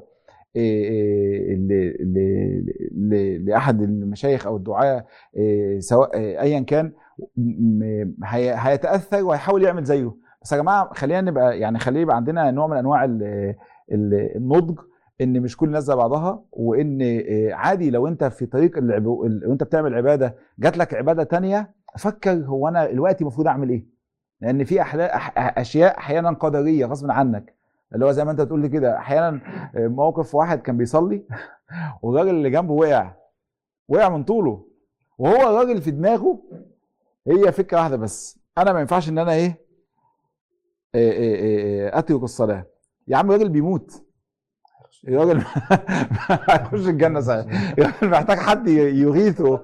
سلم يا عم وروح وبعد كده يعني إيه انت بتصلي كام ليل؟ يعني إيه لا هو في دماغه ليه؟ لأن أي حاجة هتخرق النظام يشعر إن فيه مصيبة. لا خلينا نبقى عندنا مرونة شوية في في التعامل طيب مع ال- ال- الجزئية دي يعني يعني يعني ممكن إن إحنا مثلا عشان لو هنديها مثلا إيه حاجة عملية يعني ممكن نقول إن أنت آه، توسيع مفهوم العبودية إن أنت يكون عندك مرونة آه، إن أنت إن تفكر أنت في تح- كل أزمة العبودية بتاعتها إيه؟ إن أنت تحتسب النية يعني اللي في البيت اللي آه هي جميل شغاله أوي. شغل البيت اللي نازل الجامعة اللي شغال شغل إن أنت تحتسب شوف إيه النية في العبادة دي وإن أنت تحتسب فيها النية إن أحيانا إن بيكون ال- أنت بتبقى فاهم إن الفتح هيجي من إن أنت تقعد بس مثلا تمسك المصحف فممكن ممكن أنت قلبك آه، يفتح في مثلا صلة الرحم يفتح في قضاء حاجة سبحان الله. أمك ممكن يفتح في إن أنت نازل جنازة فأنت ما سبحان تعرفش الله. وكل العبادات بت بتسمع على صح- بعض يعني صح- يعني انت صح ممكن والله. ترجع يفتح عليك في معنى في القرآن بسبب إن أنت نزلت اتحركت. ف... فأنت ما تعرفش المهم إن أنت إيه ت- تسلم نفسك المهم أنت تبقى يعني في رمضان إن أنت تبقى عبد يعني. ف... فده هيجيبنا إيه ل- لنقطة تانية نسأل فيها فضيلة الشيخ الدكتور أحمد عبد المنعم حفظه الله. آه، أنا ات- اتناقشت مع حضرتك في في النقطة دي قبل كده لأن أنا كان عندي إشكالية فيها. شكلك آه، كتير يا شيخ. شكلك كتير أصلا. وهي وهي إن إن إحنا دايما بنسمع الخطاب اللي هو آه، وده موجود يعني وان هو أنت في شهر رجب لازم تكون مستعد كويس جدا ورجب شهر. البذور وشعبان شهر السقيا ورمضان شهر الحصاد. فأنا لما بسمع ده فأنا في رجب وشعبان كانت بالنسبة لي شهور مثلا عادية يعني ممكن مثلا صمت في شعبان شوية خلاص يعني ده أقصى حاجة عملتها يعني. ما بذرتش في رجب حاجة وفي رمضان ما ما سقيتش حاجة في شعبان قصدي يعني ما سقيتش حاجة يعني. فباجي اتفاجئ إن أنا في رمضان خلاص فرصة الحصاد بالنسبة لي آه، الله. انتهت خلاص. فبدخل رمضان آه، محبط. يعني شايف إن رمضان بالنسبة لي خلاص الفرصة فاتت أنت ما استعدتش. آه، هل السؤال بقى يعني آه، الخطاب ده خطاب يعني مناسب كويس؟ السؤال الثاني هل رمضان لوحده كشهر 30 يوم هل ده يكفي إن أنا إيه يبقى فيه البذر والسقيا أو الحصاد؟ ده السؤالين يعني. طيب أنا سعيد جدا بالسؤال بتاعك. أنا سعيد جدا بالسؤال ده. آه، كنت بتقول إيه؟ ال ال في حتة مش فاكر أنت قلتوها مسألة تنوع الخطاب. فأنت كويس إنك بتسأل سؤال يعني عجبني إنك عايز تدور على المشكلة فين. يعني عايز تسألني المشكلة في الخطاب بحيث إن إحنا خلاص ما نقولوش تاني. ما نقولوش أو نقول لهم يا جماعة أو كذا ولا المشكلة عندي فأنا أصلح في نفسي. يعني الأول نحدد المشكلة. هل خطاب الاستعداد لرمضان والخطاب ال- ال- مش عايز أقول ال- القوي حماسي. آه الحماسي جدا في الاستعداد لرمضان هل هذا الخطاب فيه إشكال هو ولا المشكلة اللي ما بيعملش ده فبيدخل رمضان محبط؟ أنا عايز أقول إن شاء الله بإذن الله المشكلة هنا ولا هنا. أمال المشكلة فين؟ المشكلة إن ال- التوسع ال social media خلت إن في شريحة كبيرة متنوعة جدا بتسمع خطابات مختلفة. وغصب عني أو غصب عن الداعية عايز يقدم خطاب مثلا افترض عايز يقدم خطاب للي بادئ يلتزم أو اللي لسه ما التزمش. فبيتكلم عن معاصي بعيدة ومش عارف إيه فيجي واحد ملتزم بقاله سنين يقول لك إيه يا عم الداعية نص كم ده ده بيقول مش عارف إيه. ويجي داعية تاني بيتكلم عن ناس المفروض إن هي بقى لها سنين في الطريق وما بتغيرش وما بت- وما بتنقلش وما بتفصلش في قرارات في حياتها فيكلمها بخطاب إن هي لازم وكذا ولازم كذا. فيجي واحد أول مرة يلتزم يسمع الكلام ده يقول لك يا عم كرهتونا في عيشتنا هو ده الدين يقوم ماشي. فالسيوله اللي حصلت ديت في ال social media مع إن اللي بيسمع مش محدد هو بيسمع مين ومش عارف مرحلته عملت المشكلة دي. خطاب الاستعداد لرمضان مهم. وفي نفس الوقت هل أنا لما يفوتني الاستعداد لرمضان أنا ضيعت؟ لا ده غلط. فمش كل من لم يستعد لرمضان سيفوته رمضان. أحمد السيف باين أو أنت قلت من شوية الشيخ أحمد كان بيقول إن كل دقيقة في رمضان لوحدها كافية. يعني ممكن تدرك آخر ساعات في رمضان يغفر ليك. مات الرجل اللي خرج يجاهد مات ولم يصلي الله صلاة واحدة. رحمة ربنا سبحانه وتعالى واسعة جدا. لكن أنت بتخاطب إن إيه، ليه؟ وده برضو خلينا نفهم. ليه القرآن لما يتكلم على قيام الليل يقول أمن هو قانت؟ آناء الليل ساجدا وقائما. يعني خلينا نجمع لي كده معلش لو إحنا عايزين نعمل تجميعه آيات قيام الليل في القرآن. قول كده جت فين؟ قيام الليل ذكر فين في القرآن؟ قم الليل إلا السجدة. قليلا. قم الليلة إلا قليلا. شوف السجدة إيه اللي هو إيه السجدة؟ تتجافى جنوبهم عن تتجافى جنوبهم عن المضاجع أمن هو قانت أمن هو قانت في الزمر إن ربك يعلم في تقوم كانوا إيه. الذريات فيها قليلا إيه؟ من الليل قليلا يهجعون. من الليل ما يهجعون خلاص؟ ومن الليل فتهجد الإسراء. ومن الليل فتهجد به كل الآيات عالية جدا. والذي يراك حين تقوم. بس كل الآيات عالية. هل معنى كده أن لما أجي أسمع الخطاب ده ده خمس ست مواطن في القرآن عالية في القيام لا يا عم أنا مش قد ده. ما هو ده المقالات ده أنا مديك خطاب عالي مش معناه إنك تنفذه فورا. أنت معدي من قدام جيم ولقيت عضلات ولقيت مش عارف إيه وبتاع كده سأكون هذا البطل. دخلت جيت قمت واقع على طول. ما هو ما أنت بتمشي تدريجي ده مش مرحلتك.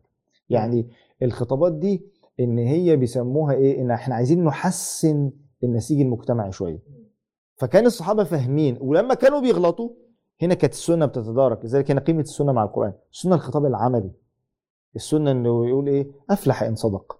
إن ابن عباس لما سمع إن سيدنا معاوية بيوتر بركعة على كان الفقهاء بيذكروا الحديث في خلاف هل ينفع توتر بركعة واحدة ولا لأ لكن عجبني كلمة ابن عباس لما أنكروا على سيدنا معاوية مشغول بالخلاف إنه بيوتر بركعة فقال دعه فإنه فقيه. هل بقى نسمع دعه فإنه فقيه؟ وأنا أصلا كنت بصلي 11 ركعة أقول إيه ده أنا مش فقيه أنا هرجع أصلي ركعة. لأ ما يعني أنت ما تاخدش الخطاب ده تحطه هنا وما تاخدش الخطاب ده تحطه هنا. أنت لازم يبقى عندك ذاتية وأنت في الآخر علاقتك خاصة بينها وبين الله سبحانه وتعالى. فاتقوا الله ما استطعتم. أنا لما أسمع حديث رب درهم سبق ألف درهم. وأنا أكون بطلع ألف درهم. اما راح مطلع درهم؟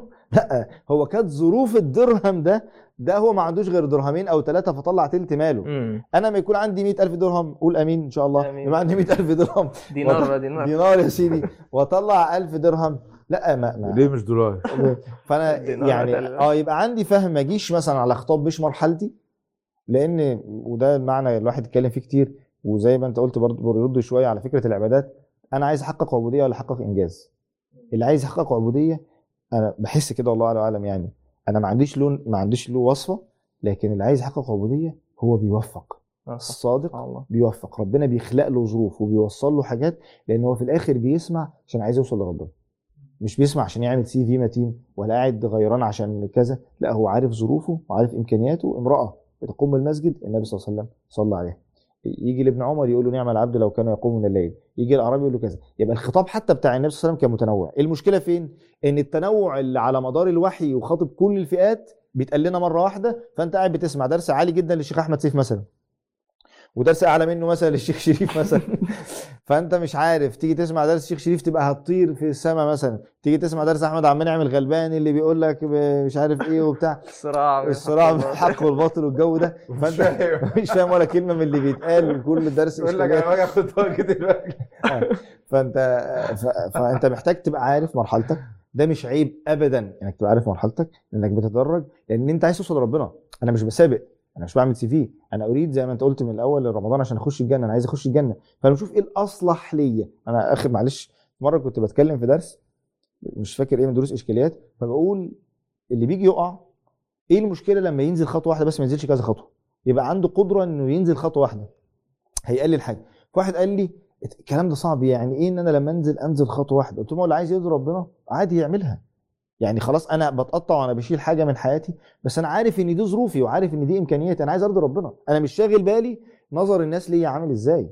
أنا شاغل بالي نظر الرب سبحانه وتعالى. لما يكون ده هدف الواحد فعلا بيوفق. يعني يعني ايا كانت الأسرار اللي بتحدث هو بينه وبين الله علاقة خاصة. قل سبحان ربي الأعلى. علاقتك خاصة بالله. ربنا فعلا أحيانا واحد يقول لك إيه أنا مش مش هعرف غير لما تبقى ظروف حياتي زي ظروف ظروف الشيخ فلان أو مش هعبد ربنا غير لما يكون عندي فهم فلان أو علم فلان أو عمل فلان أو صحة فلان لا لا لا. أنت بينك وبين الله علاقة خاصة تريد أنت أن يطلع الله عليك فيدخلك الجنة هو بس تعليقا على كلام الدكتور أحمد بالنسبة لتوظيف الأحاديث وال- والآثار يعني مثلا بالنسبة لي أثر بتاع ابن مسعود اللي هو إن ابن مسعود كان بيترك الصيام بتاع اثنين وخميس آه، أو مثلا يعني لأن هو له أوراد يعني فأنا إيه من ساعة ما سمعت الأثر ده وأنا حبيبي يا ابن مسعود حبيبي كل ما أيوه كل ما انوي مثلا أصوم اثنين ألاقي إيه الشيطان يجي لي مثلا الساعة 7 الصبح 8 الصبح يقول لك قال ابن تبقى أحسن من مسعود ابن مسعود ابن مسعود له. أوراد وانت عندك أوراد فإيه ف- فاحيانا فعلا ال- لما الواحد بياخد خطاب. آه يعني بياخد خطاب مش مش يعني مش مستواه أو مش مناسب ليه أو هو أصلا الشخص ده يعني الشافعي رحمه الله هو أصلا لما تسمع إن هو مثلا بيختم هو هو يومه في العادي غير رمضان هو حاجة عالية. جدا آه،. فهو طبيعي إن لما يجي رمضان هو بي- بيطلع الطلعة دي عادي بالنسبة له يعني هو العربية بتجيبها عادي يعني مفيش مشكلة تبقاش ال 27 بتاعتك الغلبانه آه. يعني أنا يعني يعني الحتة اللي إحنا مثلا ممكن نختم بيها إن مسألة يعني أنت ما يجيلكش إحباط لأن رم... آه يعني سبحان الله أنا بحس إن رمضان من سنة لسنة ب... ال... الإنسان بيزداد خبرة مع العبادة وخبرة مع عيوب النفس. أنا في السنة اللي فاتت حصل لي مشكلة في الحتة دي فبعالجها في السنة اللي بعدها. يعني أفتكر مرة يعني أول مرة قررت إن أنا مثلا أعتكف كان في كنا في في في, في الحرم يعني. ربنا يا رب. يرزقنا رب. ف... فكنت مع حد من مشايخنا كده يعني. ف... فأنا أنا بالنسبة لي الاعتكاف إن أنا أنام في الأرض حضرتك عارف يعني تنام في الأرض وبتاع وبعدين أقول هم مش هيقفلوا النور ده طب التكييف ده مش. أنت. ولد أنا بقى محرج من الشيخ ومش عارف أروح فين و... وخلاص خلصنا الليلة وصلينا الفجر وقال لي بقى نام فواحد لازق فيا ومكان ضيق ورجله في وشي فأنا مش عارف أروح فين ففضلت قاعد مستني لحد لما الشيخ نام ورحت قايم بكلم بكلم واحد صاحبي قلت له حجز لنا فندق عشان إيه إحنا فسبحان الله يعني أنا جالي إحباط بصراحة قلت أنا أكيد أنا مش عارف مش عارف أعتكف في حياتي يعني. فسبحان الله ال- ده ممكن يجي لك إحساس إن أنت أنا في رمضان ده مش قادر أقرأ مش حاسس إن أنا العبادة. صعبة. عادي يعني فعلا أنت تبقى عارف إن إيه الخطاب المناسب بالنسبة لك. ولو أنت خرجت من رمضان إن أنا مثلا قبل رمضان أنا ما كنتش بقرأ قرآن خالص وجيت في رمضان سخنت شوية وبعد رمضان بقيت بقرأ ورد صفحتين في اليوم فده كده ده تطور. يعني. هتيجي رمضان اللي بعده إن شاء الله ربنا يحيينا آه، آه، تعلى سنة كمان. ففكرة التدرج والترقي في من رمضان لرمضان وفي رمضان نفسه دكتور أحمد يكلمنا يعني. طيب هل رمضان سخونية ولا نقطة تغيير؟ أيوه. هل رمضان فترة يعني حاجة آه، موسم كويس ربنا سبحانه وتعالى آه، يفتحه لنا؟ آه، عشان آه، يبقى هو الهدف رمضان ولا رمضان آه، رحمة وبركة وبنحقق فيه عبوديات عشان نعرف نستمر عليها بعد كده طول عمرنا. دي نقطة مهمة. إن إحنا ن- نظرتنا لرمضان مش لا ينبغي إنها تكون إن رمضان هو شهر إحنا آه، هو هدف في ذاته إنما رمضان هو استغلال لقوة إن أنت عدوك آه، مصفد. يعني شيخ الإسلام آه، كان له آه، يعني في شرح آه، أثر آه، إذا كانت أول ليلة في رمضان فتحت أبواب الجنان وغلقت أبواب النيران وصفرت الشياطين فبيقول إن فتحت أبواب جنان العبد. يعني العبد نفسه جنته اتفتحت.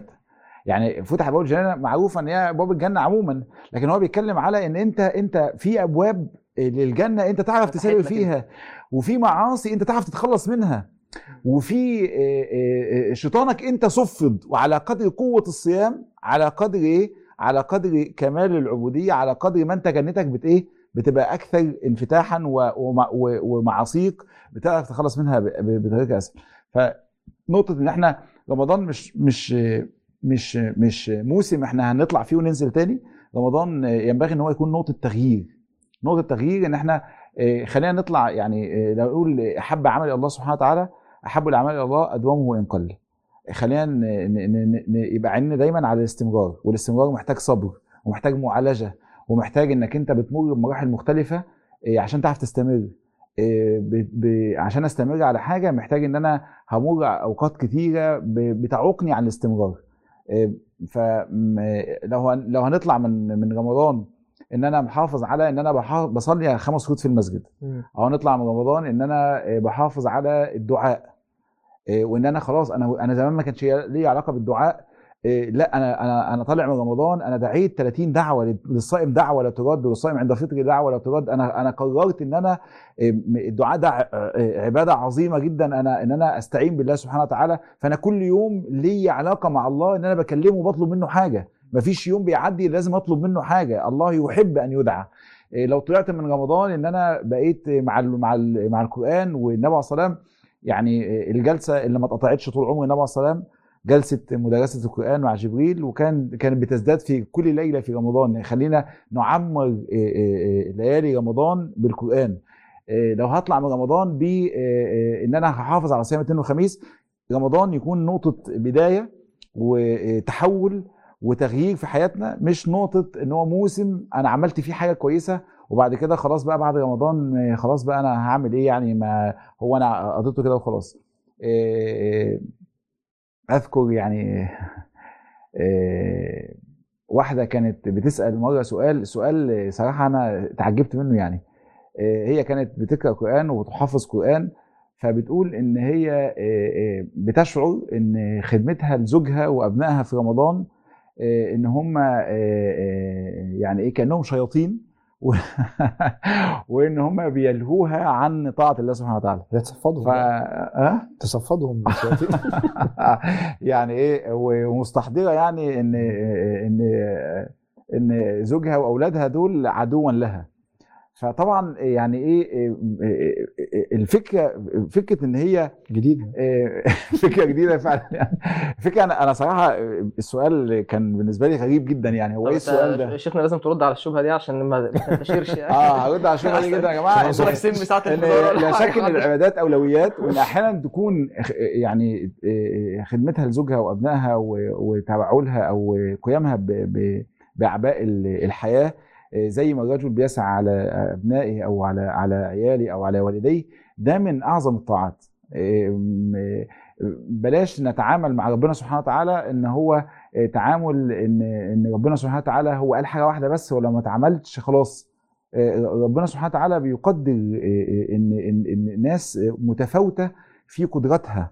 يعني الصلاه والسلام بيقول عليكم الاعمال ما تطيقون فإن الله لا يمل حتى تملوا إن كل واحد له قدرات معينة وله مسؤوليات معينة وبلاش حد يعيش في دور حد وبلاش حد يعيش في صورة حد. كل إنسان لنفسه آه، يعني بها أختم. كل إنسان بإمكانياته سواء كان أعمى أو أو بصير سواء كان صحيح أو عليل سواء كان غني أو فقير كل إنسان يستطيع أنه يصل إلى أعلى درجة من درجات الجنة بإمكانياته هو في واقعه هو.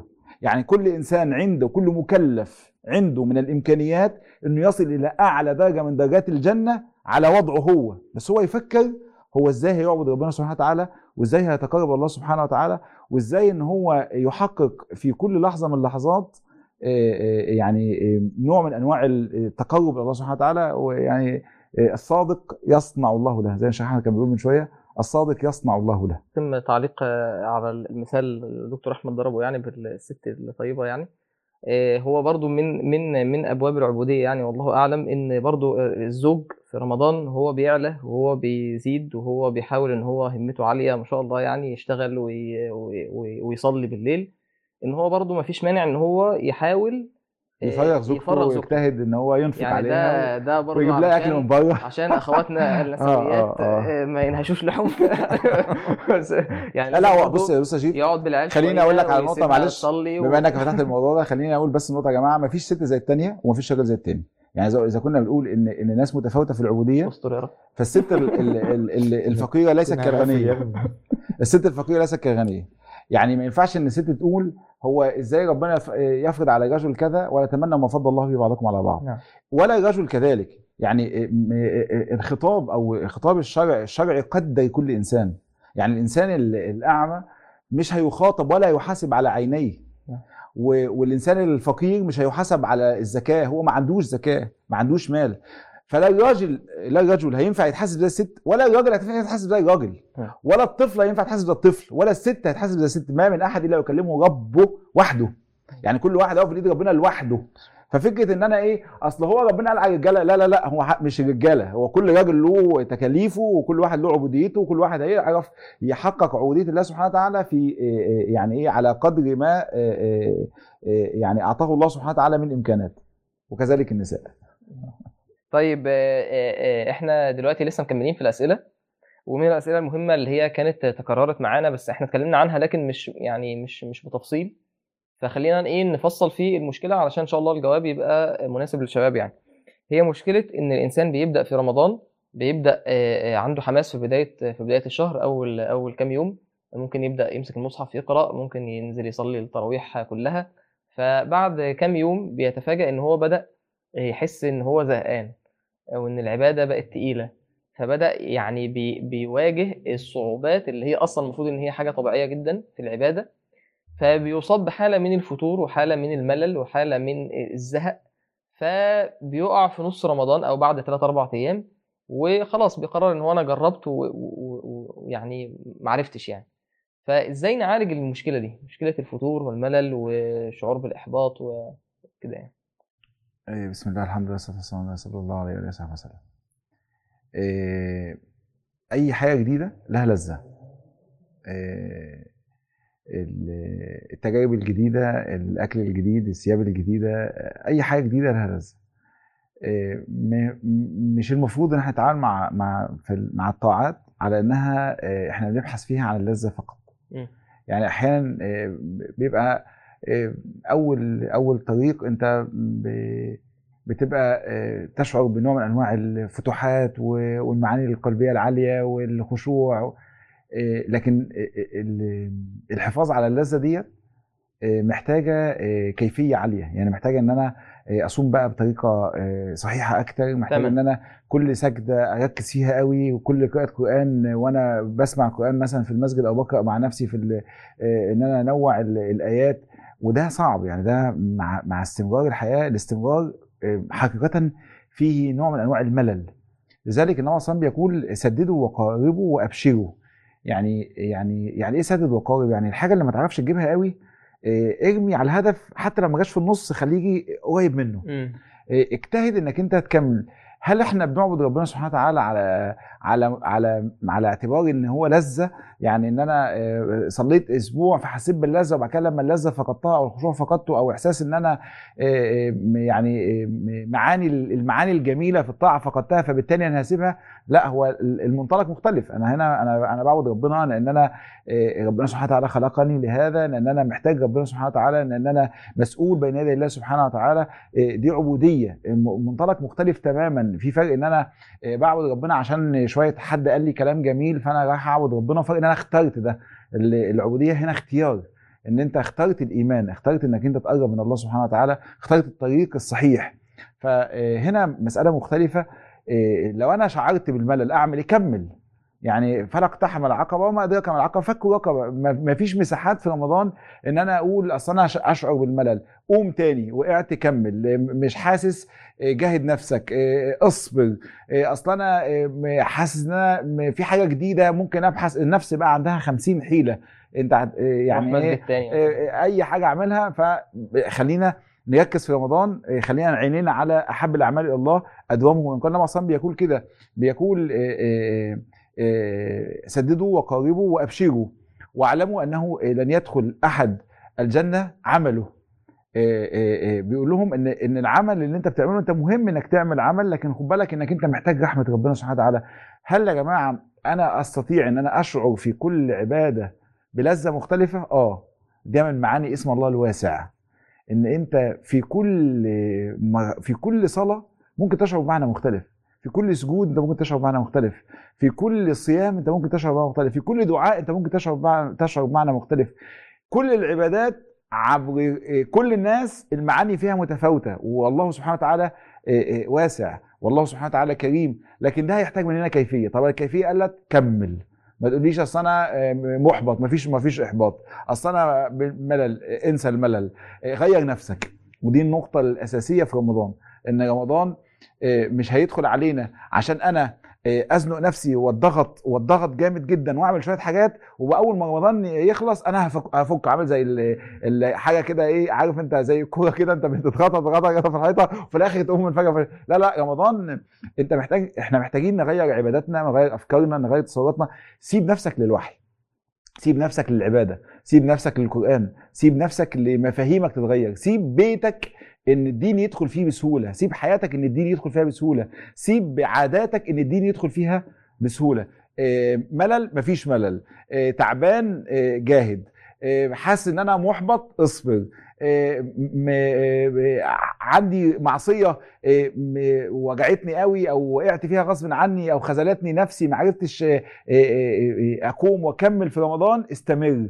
صلى الله بيقول واعلموا أنه لن يدخل أحد أحدكم الجنة عمله؟ قال ولا أنت يا رسول الله؟ شوفوا عمل النبي عليه وسلم عمل غير العالم. النبي عليه وسلم كل العبادات كل الناس اللي بتعبد ربنا في ميزانه.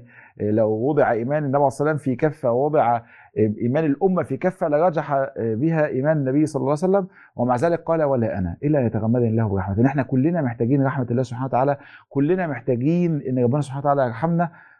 ثم قال النبي صلى الله عليه وسلم يعني وهو بيتكلم على مسألة إن إن الناس لما لو لو شعروا في الطريق بنوع من أنواع الإحباط قال واعلموا أن أحب العمل إلى الله أدومه ان قل. إن لهم ركزوا على الاستمرار. طيب يعني ممكن نفهم من الكلام يعني الملخص إن ممكن عادي جدا يجي لك شعور بالملل آه. وإن أنت وإنت بتصلي ممكن تبقى زهقان من من الصلاة. ورجليك وجعاك وحاسس إن الموضوع تقيل يعني دي مشاعر عادية. الإنسان بيتعامل معاها لأن ده لا شك إن هو مش المشكلة في الصلاة أيوه. مش المشكلة في الوحي مش المشكلة في الشيخ اللي بيصلي ولا المشكلة في سجاد المسجد. لا لا هي المشكلة المشكلة مش المشكلة إن أنا رجليا وجعاني وتعبان عشان هي ده مجهود بدني أنا ما أقدرش عليه. لأن عادي الشاب بيقف في الجامعة مع البنت بالثلاث أربع ساعات ومفيش مشكله. وبيقف على الناصيه وبيقف على القهوة وبيقعد على القهوة هي المشكلة هنا. فمش أول لما تظهر لي المشكلة إن أنا أقوم إيه هربان وسايب. فأنا محتاج إن أنا أفهم إن دي مشكلة عادية جدا وبتحصل مع كل الناس. وحتى لو حتى مع أصحاب الهمم العاليه عارفين شوف الصحابي لما النبي صلى الله عليه وسلم قال له لما لما راح يصلي بالعشاء مع مع أحد الناس وبعد كده والصحابي صلى بالبقرة. ف... ف... ف... فالراجل انصرف لأن هو كان حاله دلوقتي مش قادر يتحمل ده. والصحابي الآخر اللي صلى بالنبي عليه صلى مع النبي عليه الصلاه والسلام فالنبي عليه الصلاه والسلام آه، صلى بالبقرة ثم النساء ثم آل عمران فقال هممت بأمر سوء. هو هو مش عشان هو إيمانه ضعيف لكن هو في الوقت ده مش هيقدر يتحمل ده. فدي نقطة مهمة إن إحنا آه ده موجود و... و... و... وبالفعل في تفاوت كبير والحل إن إحنا نجاهد أنفسنا ونحاول نغير أنفسنا لت- لتتحمل العبادة طيب، تستمر على العبادة. يساعد في ده يساعد في ده إن أنت تحط نفسك في في بيئة شغالة. يعني حاول إن أنت أنت لوحدك بتبقى مش قادر إن أنت تعمل ده. فأنت مثلا شايف إن أنا لو قعدت في البيت وفي في واي فاي وفي النت شغال إن أنا مش هعرف أقرأ قرآن. وجنبك المسجد مثلا مفتوح يعني. فممكن تنزل تقعد في المسجد. آه، شوف اتفق مع كام حد من صحابك يا جماعة إحنا من العصر المغرب مثلا هنرجع من الجامعة مش هنرجع على البيت. إحنا هنرجع حتى لو هتنام اقعد في المسجد يعني اقعد مش فايق. المهم إن أنت الوقت ده حاول إن أنت تلزم نفسك ببيئات للطاعة تلاقي نفسك اتشجعت فيه. طيب يعني يعني إيه ممكن ننقل لسؤال تاني للدكتور أحمد عبد المنعم؟ وهو إن إن ده دايما يعني الإشكالية ال- الكبرى في مسألة آه، آه، أصوات كتير بترتفع. إحنا لازم نعمل ختمات كتير جدا. فإحنا من أنصار إن أنت تعمل 10 ختمات ماشي. أو 20 ختمة. آه، أو لو أنت ختمت ختمة واحدة تحس إن أنت كده يعني مكسوف يعني تعالى أنت في الجزء كام النهارده والحاجات بتاعت زمان دي. فنختم كتير ولا يقول لك لا مش لازم إن أنت تختم لكن المهم إن أنت تفهم. فهل آه، آه، لازم إن أنا أقرأ بالتفسير؟ يقول لك لا أنت برضو محتاج إن أنت تتدبر. وعلى فكرة ممكن برضو أنت تراجع الحفظ بتاعك. على فكرة أنت ممكن تسمع مثلا دروس في تفسير يعني بتلاقي في مشاريع قرآنية كتير جدا في رمضان. فيبقى واحد في النص واقف محتار والسؤال ده بيتكرر كتير. أعمل إيه؟ أتعامل مع القرآن إزاي؟ طيب هو أظن إحنا كنا أشرنا قبل كده لمسألة آه، تنوع الخطاب. بيعمل فعلا المشكلة دي. وقلنا إن المشكلة مش لازم تكون إن في مشكلة في الخطاب. الله سبحانه وتعالى خلق الناس طرائق قددا. واللي يصلح لفلان مش لازم يصلح لفلان. وممكن فلان بيجد نفسه ويستطيع إن هو يكثر من الختمات وفلان لا يستطيع ذلك. آه، قبل ما أجاوب على السؤال يعني ممكن أقول شوية تفصيلات لكن قبل ما أجاوب على السؤال اللي أنا عايز أقوله اعمل حاجة. يعني يعني أخطر حاجة شفتها إن يوم واحد يقول أنا هختم كتير.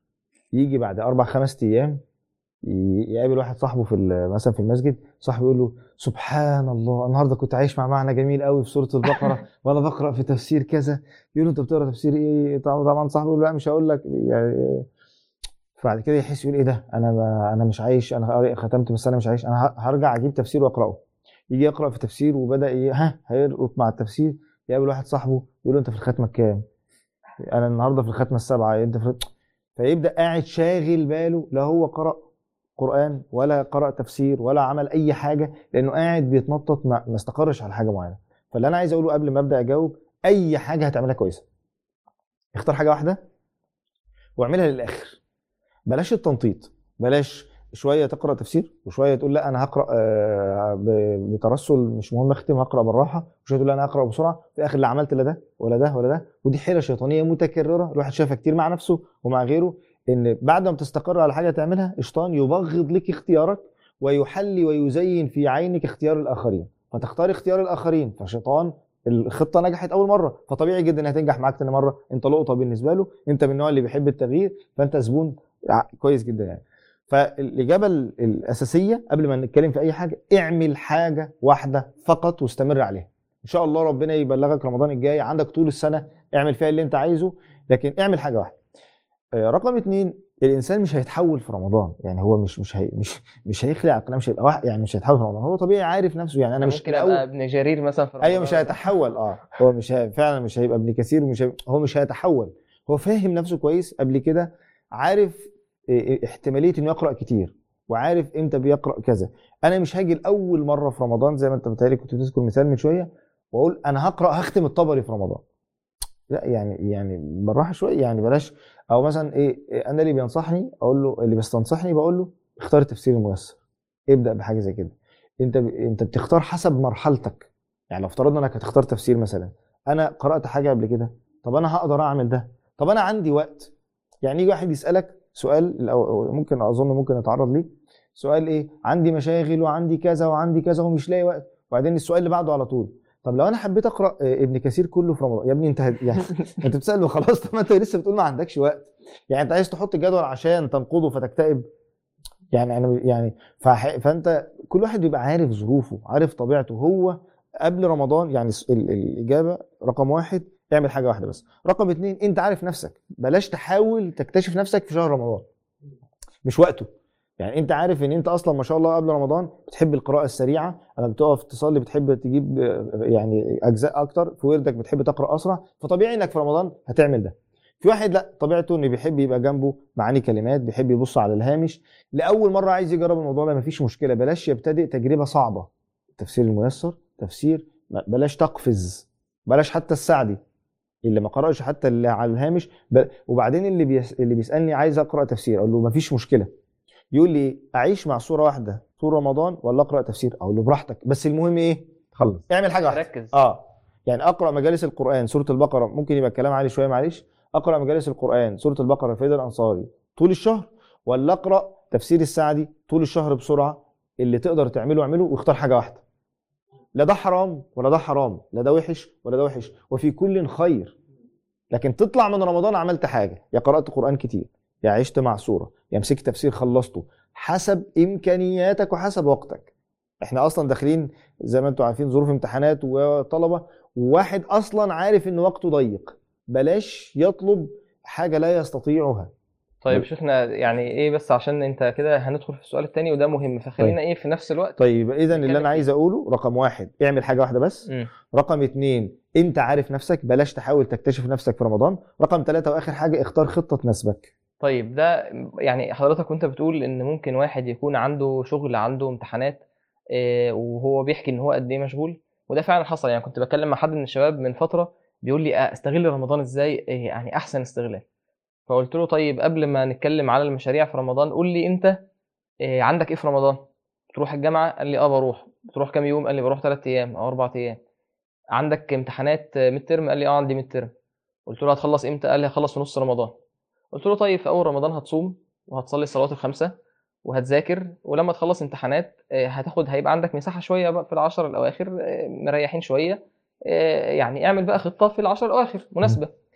فازاي إن الواحد يعني دي نقطة مهمة قبل ما أحط خطة المشروع اللي أنا عايز أشتغل عليه اللي هو مش الهدف منه إن أنا أحقق التارجت كمعاملة يعني مادية وننسى ال- ال- الفكرة أصلا الروحانية إن أنا بعامل ربنا سبحانه وتعالى وإن ربنا رحمن وإن ربنا رحيم وإن أنا قلبي يتغير وإن حالي ينصلح بعد رمضان. ال- الفكرة إن أنا أبقى فاهم أنا ظروفي إيه طبيعة الشغل إيه المساحات؟ يعني أنا مش مع فكرة إن إن إحنا رمضان ده آه، لأ أنت برضو لازم تركز في شغلك. لأ مفيش مشكلة عادي خالص إن ناخد من الشغل زي ما باخد أجازة في الصيف آخد أجازة في العشر الأواخر عادي جدا. يعني إحنا مش بن مش بنقول إيه إن لأ كل حاجة لازم أنت تركز في شغلك ودراستك. ماشي اشتغل لكن رمضان يعني هو رمضان ما بيجيش آه، هو بيجي مرة في السنة. فلو قدرت إن أنت تفرغ وتضغط شوف المساحات اللي أنت تقدر عليها ده مبدئيا. وبعدها هتحط الخطة بناء على المساحات اللي عندك. جميل. طيب في وقت بقى التعارض يعني واحد بيقول مثلا أنا عندي شغل بروح الصبح أو عندي جامعة أو واحدة في البيت مثلا هي عندها شغل البيت و- و- وأمور التربية وتجهيز الأكل ولو بتعمل إفطار. إزاي الإنسان يقدر يجمع بين إن هو يحافظ على المستوى اللي هو عايز يوصل له في رمضان وبين إن هو يحافظ على الواجبات الدنيوية اللي عنده؟ آه مشكلة ال... جمع بين الدين والدنيا في رمضان. لا هو يعني بص إحنا نغير إنه القرآن ونسميه إنه الاشكاليات إنه الإشكال. طيب آه، بص الله سبحانه وتعالى يحب أنواع متعددة من العبوديات. والله سبحانه وتعالى خلق الملائكة لا تعصي الله طرفة عين. يسبحون الليل والنهار لا يفترون. خلاص؟ الله سبحانه وتعالى لما خلق الإنسان أراد نوعا آخر من العبودية. عبودية أن تسير إليه بالرغم من ضعفك. وبالرغم من انشغالك وبالرغم من طينيتك التي خلقت منها أنت لن تكون ملائكيا مهما حدث. ولما ربنا خلق الإنسان ونزل الأرض هو عارف إنه لما هينزل قال فلا يخرجنكم من الجنة فتشقى. في شقاء هيحدث بنزولك للأرض وفي تعب وفي عناء. الله يعلم كل ذلك. وفرض عليك هذه العبودات ولا العبوديات ولا يكلف الله نفسا إلا وسعها ولا يكلف الله نفسا في آية أخرى إلا ما آتاها. أن تسير إلى الله بالرغم من هذه الظروف وأن تجاهد. يعني لحظات إن أنت قاعد بتاخر المذاكرة دي وبتاخر الشغلانة دي وبتعمل ده عشان تمشي في الحتة دي ربنا بيحب ده. أن تسير إليه وأنت تزحف ربنا بيحب ده. ربنا عنده سبحانه وتعالى يعني حش... ما الملائكة يسبحون الله ولا يفترون. يعني مش انت مش مطلوب منك. ما تتخيلش العبادة السوبرمان.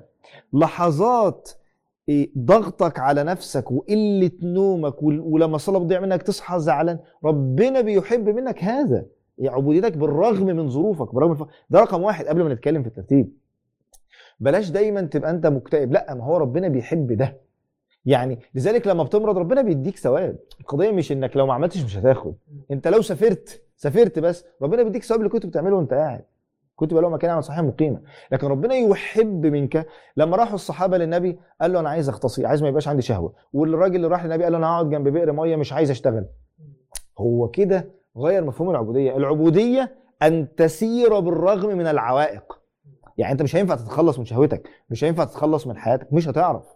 يعني ذلك اللي إيه؟ إيه، أصل الجواز بيعطل وأصل الخلفة بتعطل وأصل الشغل بيعطل. ما هو المطلوب العباده أن تسير إلى الله بالرغم من وجود هذه الظروف. الذي يخالط الناس ويصبر على أذاهم. خير من الذي لا يخالط الناس ولا طب الذي لم يخالط الناس ما عندوش أذى بس اللي خالط أفضل. فرقم واحد عبودية أن تسير إلى الله بالرغم. يعني ال- الطالب اللي عنده امتحانات وقاعد تخيل كده تخيل كده في طالبين واحد مش في دماغه رمضان وبيطلع من الأوائل مش في دماغه رمضان وقاعد كل بيحط يرتب وقته كذا مذاكرة يوم كذا هعمل كذا. واحد تاني برضه شاطر وبيحاول بس قاعد إيه؟ طب هعمل إيه في التراويح؟ لا لا أنا هتاخر دي شوية. تخيل لما ربنا يطلع على الاثنين هل هيتساوى عند الله؟ مستحيل. ربنا يحب هذا الذي عارف ان وراه مسؤوليات سواء شغل أو مذاكرة. طب أنا هحاول أجمع. طب أنا هنام شوية. طب راحت علي نومة. طب مع... طب غلطت شوية في شغلي. إيه المشكلة؟ عادي يعني. يعني طب ما إحنا بيضيع علينا الفجر. لكن لما يضيع عليا حاجة في الدنيا تلاقيه لا مش ممكن. إيه يا جماعة؟ عادي ما أنا بني آدم. دي ضاعت عليا شوية ودي ضاعت عليا شوية. قاعد بس زي ما الشيخ أحمد كان بيقول قاعد بسدد وقارب. اللي قاعد بيرتب ظروفه اللي قاعدة تحضر الأكل وخايف على عيالها وبتعلمهم أيتين وقاعدة بتذكر ربنا وهي بتعمل وربنا مطلع عليها يا رب أنا لو كان عندي وقت كنت اديت. الله يحب منك ذلك. والراجل اللي قاعد شغلان شغ- شغال وشقيان وعرقان وراجع تعبان وراجع وهو داخل ينام نفسه يا رب والله لو كان عندي طاقة كنت اديتها بس أنا هنام عشان أصلي. ربنا بيحب هذه النومة. هذه النومة ربنا يحبها. فبلاش تتصور تصور ملائكي فتيجي تنزل حياه تتصدم. فأن تسير إلى الله بالرغم من شغلك وضعفك وفقرك ومرضك الله يحب هذه العبودية التي ليست عند الملائكة. يعني العبودية دي بقى بالذات أهي دي مش عند الملائكة لأن الملائكة ما عندهاش هذه العوائق. فبلاش تصور تصور ملائكي اتقوا الله اتقي الله ما استطعت حاول أعطي كل ذي حق حقه قدر المستطاع. لكن ما ينفعش تخلي فعلا رمضان زي غير رمضان. طيب الطلبة يعني الحمد لله آه، آه، شغالين يعني أنا شغال في الكلية في كلية الطب الحمد لله. ومرينا رمضان بكل الظروف مرينا رمضان في الأجازة.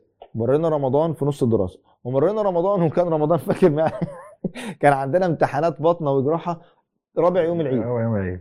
أنا عارف إن هم ثالث يوم بس أنا قصدي رابع يعني رابع يوم على طول العيد كان عندنا امتحان. والشيخ أحمد راح اعتكف وضرب الدنيا 12 ربنا يبارك له يا رب. وأنا اعتكفت نص اعتكاف وفلان مش عارف إيه. فكل واحد له اختياراته وله طريقته. وربنا من عينيك ونا في الآخر بفضل الله وتخرجنا واشتغلنا. اللهم لك وربنا فتح علينا. في ناس إيه، ما كانتش في دماغها رمضان. ولا اعتكاف ولا تراويح أنا كان ممكن الشيطان يجي لي بص على هيسبقك. ما هو مش عارف إيه. أيوه بس أنت ما هو أنت مش موجود عشان تشتغل بس. والقاعدة بتقول ما حدش ياخد كل حاجة. الله يفتح عليك. القاعدة بتقول لي لازم يا جماعة تحفظوا الكلام ده عشان بس دي أنا حتى عيالي حافظين القاعدة القاعدة الأولانية بتقول ما حدش بياخد كل حاجة. القاعدة الثانية بتقول إيه؟ كل حاجة ليها ثمن احفظوا القواعد. هو يا شيخنا برضو يعني أحيانا بيبقى يعني في في, في سؤال ال- السائل يعني من الشباب يعني أو كده أو أو غيره إن هو بي- بيحط ال- الموضوع إيه؟ أبيض وأسود يعني, أيوة، يعني صح. هو بيحط لك إيه؟ إما أنا هصلي وأقرأ قرآن وأصوم وكده يا إما أنا عندي الشغل وعندي المسؤوليات وكده. وكأن مفيش وقت تاني. معلش أيوه أنا آسف أنا آسف آه. أنا آسف يعني في أنا- وقت بيضيع في المباحات الله يفتح عليك. أنا جالي واحد صاحبي أول ما التزمنا فبيقول لي إيه, إيه مش يعني مش اسمع جالي هنعمل إيه بقى في في وقت المذاكرة؟ وإزاي هنجمع؟ قلت له معلش يعني أنت كنت قبل الالتزام بتجمع بين القهوة والمذاكرة وبين الماتشات والمذاكرة. وكان. وال PlayStation والمذاكرة. ودور وأنا بكلمك عن حد شاطر اللي بيسالني السؤال ده شاطر. وكان عنده القدره إنه يرتب وقته فعلا. كان بيلعب كورة وكان بيخرج وكان بيقعد على قهوه وكان بيروح النادي كان بيعمل وبيطلع رحلات بيعمل كل ده مع المذاكرة وناجح في مذاكرته. تيجي بالدين إيه ده؟ إنه بيستخسر. لا ما هو أنت مش هتاخد كل حاجة. ومش عايز يضحي بجزء من المباحات بالظبط. ما هو أنت أنت دلوقتي طالما أعلى. أنت عايز الفردوس. عايز تجمع بين الدين والدنيا. لا يبقى أنت لازم تدفع ثمن أعلى. إحنا قلنا القاعدة الثانية بتقول كل حاجة ليها ثمن. فأنت عايز تاخد أعلى يبقى أنت لازم تدفع ثمن أعلى من من من غيرك. لما ربنا في غزو من الحاجات اللي لفتت انتباهي في سورة التوبة بيتكرر مرتين معنى آه، فلا تعجبك أموالهم وأولادهم وفي روايه وفي. وفي آية ثانية ولا ولا أولادهم ايا كان بقى مش وقت الفرق ما بينهم لكن أقصد إن المعنى ده يتكرر مرتين ليه؟ انت ضحيت في وقت خروج الأموال. فوانت راجع ما تبصلهمش مش هينفع تقارن نفسك بيهم دلوقتي أنت قدمت تضحية أعلى انت عند ربنا اعلى. فما تقعدش شاغل بالك بالمقارنات. طالما انت اخترت حاجة بينك وبين الله ما تشغلش بالك بالمقارنات. والله سبحانه وتعالى لن يضيعك. حاولت قدر المستطاع. توازن. وقعت هنا شوية وقعت هنا شوية. الله مطلع عليك. أنا دايما بقول للإخوة أنا بمشي بسياسة النسب. يعني إيه؟ يعني إيه، شهر أو يوم أو أسبوع 60% دين 40% دنيا. مرة 70% دنيا 30% دين. يعني مش لازم زي ما أنت بتقول يا أبيض يا اسود الحقيقة نسب. أنا حتى بسميها قاعدة 60 40 أو 70 30 لا، أنت إيه، يوم فاضي طب ما تدي 80% دين النهارده و20% بس مذاكرة. اتزنقت. اليوم اللي بعده مفيش مفيش مشكلة. ادي 80% مذاكرة و20% لكن لا يخلو يومك في رمضان من من من الأساسيات. ما ينفعش. حتى ما يعني قوم أي حاجة تاخد ثواب الليلة دي. ليلة الامتحان. قومها بسرعة. اليوم اللي بعده بقى أنت يوم الامتحان ما بتذاكرش. طب ما تدي بقى. نام وانزل صلي بقى طول الليل. فالله سبحانه وتعالى يضيعك لنقطة إيه سددوا وقاربوا بالظبط عشان احمد إحنا عندنا اتجاهين. يعني إحنا قلنا إن إن الشيطان في في بداية رمضان ربنا سبحانه وتعالى من رحمته بالعباد إنه بيسلسل بي- بيسلسل الشياطين وقال وصفدت الشياطين ومرضت الجن. إيه، ف الدكتور كان قال إن في بداية إيه قبل قبل لما رمضان بي قبل ما بيجي الشيطان بي إيه بيسلم الشغل بتاعه بيظبط تمام التمام ففي شياطين الإنس شغالين مستمرين اللي هو هدفهم بيشتغل طول السنة علشان إغواء الناس وصرف الناس عن العبادة وتفريغ رمضان من المقصد بتاعه من محتواه. فأنا عندي جانب اتجاه ملهيات اللي هي بتساوي حرام. ماشي؟ يعني ملهيات وهي بتساوي حاجة ماشي. بتساوي حرام. وعندي عندي هو الحياة الطبيعية بتاعتنا اللي لو إحنا بنفترض إن هو إن حد عنده ال- المباحات بتاعته اللي هي كتير قوي لو بنفترض يعني إن هي مباحات آه، صرف مفيش فيها حرام يعني. فواحد منشغل بالمباحات زيادة ومش قادر إن هو يضحي بأي حاجة من المباحات بتاعته آه، وواحد تاني عنده ملهيات حرام كان بيعملها قبل رمضان أو بدأ في ناس ما بتتفرجش على مسلسلات طول السنة وبتتابع مسلسلات مش مسلسل واحد ثلاث أربع مسلسلات في رمضان. وخصوصا لو أهله بقى كمان للأسف. آه و- فده بيواجه مشكلة من الملهيات اللي هي ال ال الأجواء اللي بتتعمل مسلسلات والفوازير والبرامج والحاجات دي كلها أو من الحاجات اللي هو العادات اللي هو متعود عليها على ال social media. أو بيلاقي حاجات معوقات ممكن في البيت. يعني حد مثلا هو بيحاول إن هو يعني يتقرب من الله سبحانه وتعالى فبيلاقي إن هو مثلا في البيت على طول شغال برامج شغال ساعة الفطار شغال مسلسلات ومش مش عارف يدخل مع مع أهله في صدام آه، هيحصل مشاكل أكبر فبيسكت ففي قصص كده تفاصيل. فإزاي الشاب بقى يعرف إن هو إيه يحل ال- المشكلة دي؟ طيب، مشكلة مش. مشكلة مش اشكاليه خلينا ن- يعني ربنا سبحانه وتعالى بيقول وإذا مروا باللغو مروا كراما مم. إن إحنا من صفات عباد الرحمن اللغو هو- اللي هو إيه بس معلش. آه، اللغو اللي هو آه، ما آه، يلهي عن طاعة الله سبحانه وتعالى. يعني أحيانا بيكون مباح وأحيانا بيكون آه، حرام. آه، رمضان مش فه... مش شهر آه، ملهيات معاصي آه، بتعريفك آه، يتلهى به يعني يتلهى الناس عن الطاعة. ولا شهر آه، آه، يعني إيه فضول مباحات رمضان شهر قرب من الله سبحانه وتعالى. رمضان قيمته الرئيسية في إن إن أبواب السماء وأبواب الرحمن بتفتح. يعني لو حد عنده قيمة تانية لرمضان غير العبودية وتقرب من الله سبحانه وتعالى آه، رمضان مش شهر أكل وشرب ولا شهر فوازير ولا شهر مسلسلات ولا شهر أغاني. ولا شهر ماتشات ولا شهر دورات. رمضان شهر عبادة. رمضان شهر قرب من الله. رمضان شهر تفتح فيه أبواب الجنة. يعني قيمة رمضان الرئيسية في يعني في القيمة التي آه، آه، جعلها الله له الوحي اللي هو الجنة ونار. فمعركه انسان عارف من كان من الأدعية آه، نسألك آه، الغنيمة من كل بر. يقولوا ليه عبر بالغنيمة؟ كان أثر حديث ضعيف يعني. لكن في معنى الأثر يعني أو في معنى يعني إيه الغنيمة؟ يقول إن إن الروح انتصرت على النفس فغنمت منها إيه؟ الطاعة. إن إن الإنسان آه، بيغنم إحنا محتاجين نغنم في رمضان. آه، هل أنا آه، مطالب إن كل حاجة في الحياة تفضل زي ما هي و و و و- والطاعة تبقى داخلة دخيلة؟ لأ هو ما فيش حاجة ملهاش ثمن هو الطاعة هتدخل وهتاخد مكان حاجة هتاخد مكان حاجة وقتية. يعني خلينا آه، نبقى مستعدين لده إن أنا هضحي آه هضحي. طيب أحيانا بيبقى في ضغط مجتمعي وضغط مجتمعي كبير إن أنا هم عاملين مش عارف عزومة عاملين مش عارف آه، آه، حفلة رايحين خيمة رمضانية والناس كلها قاعدة جايبين مش عارف عاملين إيه في ضغط مجتمعي كبير في رمضان على أشياء معينة. خلينا نتعامل يا جماعة بسياسة الأخلاق الحازمة. يعني خلي عندك أخلاق كويسة آه، وفي نفس الوقت خليك حر اللي هو أنا مش رايح. ليه؟ عشان أنا مش عايز أروح عشان أنا قررت إن أنا أعمل حاجة. يعني وده موجود في الحياة عموما. يعني بلاش تبقى دايما إيه اللي هو أتعامل مع الناس تعامل إن أنا دايما مكسور ودايما خايف ودايما زعلان ودايما أصل أنا آه، حاسس إن أنا بتهرب وبتسرب وإن أنا دايما اللي مستضعف لا لا لا خالص أنا مش هعمل ده. اللي هو آه، يعني إيه أنا مش حابب أعمل ده. بكل بساطة. وبكل بساطة وبكل أخلاق وبكل أدب ومن غير لا زعيق ولا زعل ولا خناق ولا اللي قدامك يزعل منك طب أنا أنا طلبت في عزومة. تروح العزومه روح بر أهلك وصوم آه، يعني صل رحمك واكرم الناس ولو معاك آه، آه، فلوس تجيب لهم هدية هات لهم هدية. بس خلاص افطر واقعد معاهم شوية وامشي. مش هنقضي بقى إن أنا افطار هنقعد طول الليل وعشان بقى أصل فلانة جاية وفلان جاي خلاص يا جماعة رمضان مش وقت ده. الأكل برضه وال... وال... والحلويات والحاجات دي بتبقى حلوة يعني. والله من ال من ال الناس الناس درجات متفاوتة. يعني أنا أنا أنا في ناس آه، المباح بالنسبة لها نعمة عن الحرام. يعني هو يعني يعني المباح بالنسبة لها آه، أحسن من إن هو يعمل حرام. وفي ناس لا هو مش ده مش ده مستواه. يعني يعني يعني يعني خلينا ن ن ن ن لو لو لو أنا هقعد آكل ولا هعمل حاجة حرام لا ماشي الأكل حلال مباح. لكن لو أنا هاكل ولا هصلي لا طبعا الصلاة أولى. فانا يعني بنصح نفسي وكل واحد يعني هدفه إنه يتقرب الله سبحانه وتعالى. خلينا خلينا في رمضان نبقى نعرف إيه اللي قربنا من ربنا. يعني لو أنا عارف إن أنا أنا لما باكل بتقل كل الناس لما بتاكل يعني إيه عند حد معين بيحس ان هو خلاص مش عارف يكمل مش لازم مش لازم يفطر بعد بعد التراويح إيه، إيه، جهز سلطة كتير. افطر دي اللي هي يعني الأكل اللي هو اللي هو الحاجة اللي كل انت فيها عايز تنام يعني. آه، آه يعني. ب- كتر من الأكل اللي انت بت- يقويك على العبادة. يعني بلاش نتعامل تعاملات اللي هو إيه أنا هاكل أحسن أكل وهروح كل العزومات. وهتفرج على كل الماتشات وهتفرج على كل الأفلام. أنت جايبنا ابني تحقق أحلامك ال- ال- الحياتية.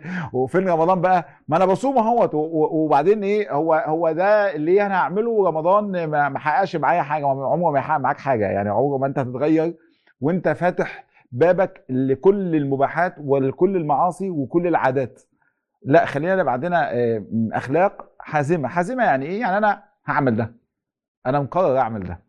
و- والناس مش هتزعل ولو هيزعلوا شوية صالحهم. لكن في الآخر خالص إيه، خلي عندنا جدية. يعني بلاش نتعامل مع الموضوع تعامل هزلي ولا تعامل إيه، إيه، يعني نوع من أنواع اللي هو إيه أصل فلان هتزعل وفلان لازم أرضيه وأنا مش عارف أرضي الناس كلها. غاية يعني رضا الناس غاية لا تدرك. لو أنت عملت للناس كل حاجة برضه مش هتلاقي دايما حد زعلان. يعني من الحاجات اللي, اللي الواحد أحيانا بت بت يعني بتحزنه أو بتخليه يفكر شوية إيه، إن أنت مثلا تلاقي واحد بيجي على على كدر من كدر ده يعني يعني ثمن مشقة من مشاق إيه، طاعة معينة ويبدأ يحط عليها focus وي- ويبدأ إيه يقرب منها قوي ويتكلم فيها كتير.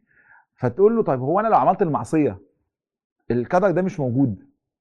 يعني كل مجتمع فيه صفو كدر وكل الناس فيهم ظريف ورخم وكل الحياة لقد خلقنا الإنسان في كبد. فما تح- ما تحطليش إن المشكلة دي هي المشكلة الوحيدة على الطاعة دي. لا لا المشكلة دي موجودة في كل حاجة في الحياة. ف وهي لما أنا هعملها في طاعة وهذوق مشاق مع الفرق الرهيب ما بين لذة الطاعة ومشاق الطاعة و- ويعني أحيانا بيبقى عارف إسباغ الوضوء على المكاره أحيانا بتبقى الدنيا صعبة والجو شتاء والجو تلج وأنت قايم تتوضى بس لذة الطاعة و- والمشقه اللي بتحملها في سبيل الطاعة يقينا لا تساوي يعني ما فيش ما فيش مقارنة أصلا ما بينها وبين يعني آه، المعصية ولا آه، م- ما أكبر لذة من لذات المعصية لا تساوي أقل مشقة من مشقات الطاعة. يعني مشقة الطاعة ألذ مع إنها مشقة ومع إنها متعبة ألذ مئات المرات من كل الملذات اللي الناس بتحققها في المعصية وإن كانت أحيانا بلذة المعصية آنية سريعة آه، جميلة لكن على مستوى البعيد وعلى مستوى الحياة آه، ضنك وقرف وتعب وغم فبلاش نستحضر أصل فلان هيزعل ما يزعل. ما هو عادي ما هو بيزعل من أقل حاجة أصلا هو بيزعل من غير الدين خالص. يعني من غير ما تقول له أنا بعمل ده عشان رايح أقوم الليل ولا عشان أعمل حاجة. هو أصلا بيزعل وأنت بتصالحه. فهكذا الحياة. فخلينا إيه نتعامل بعملية أكتر.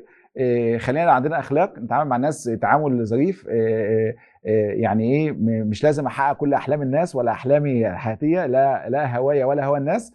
خلينا نبقى يعني نغتنم في رمضان إيه، الطاعات قدر استطاعتنا وفي نفس الوقت إيه، إيه، يعني إيه إيه، نبقى أصحاب أخلاق مع الناس إيه، بحزم وحسم.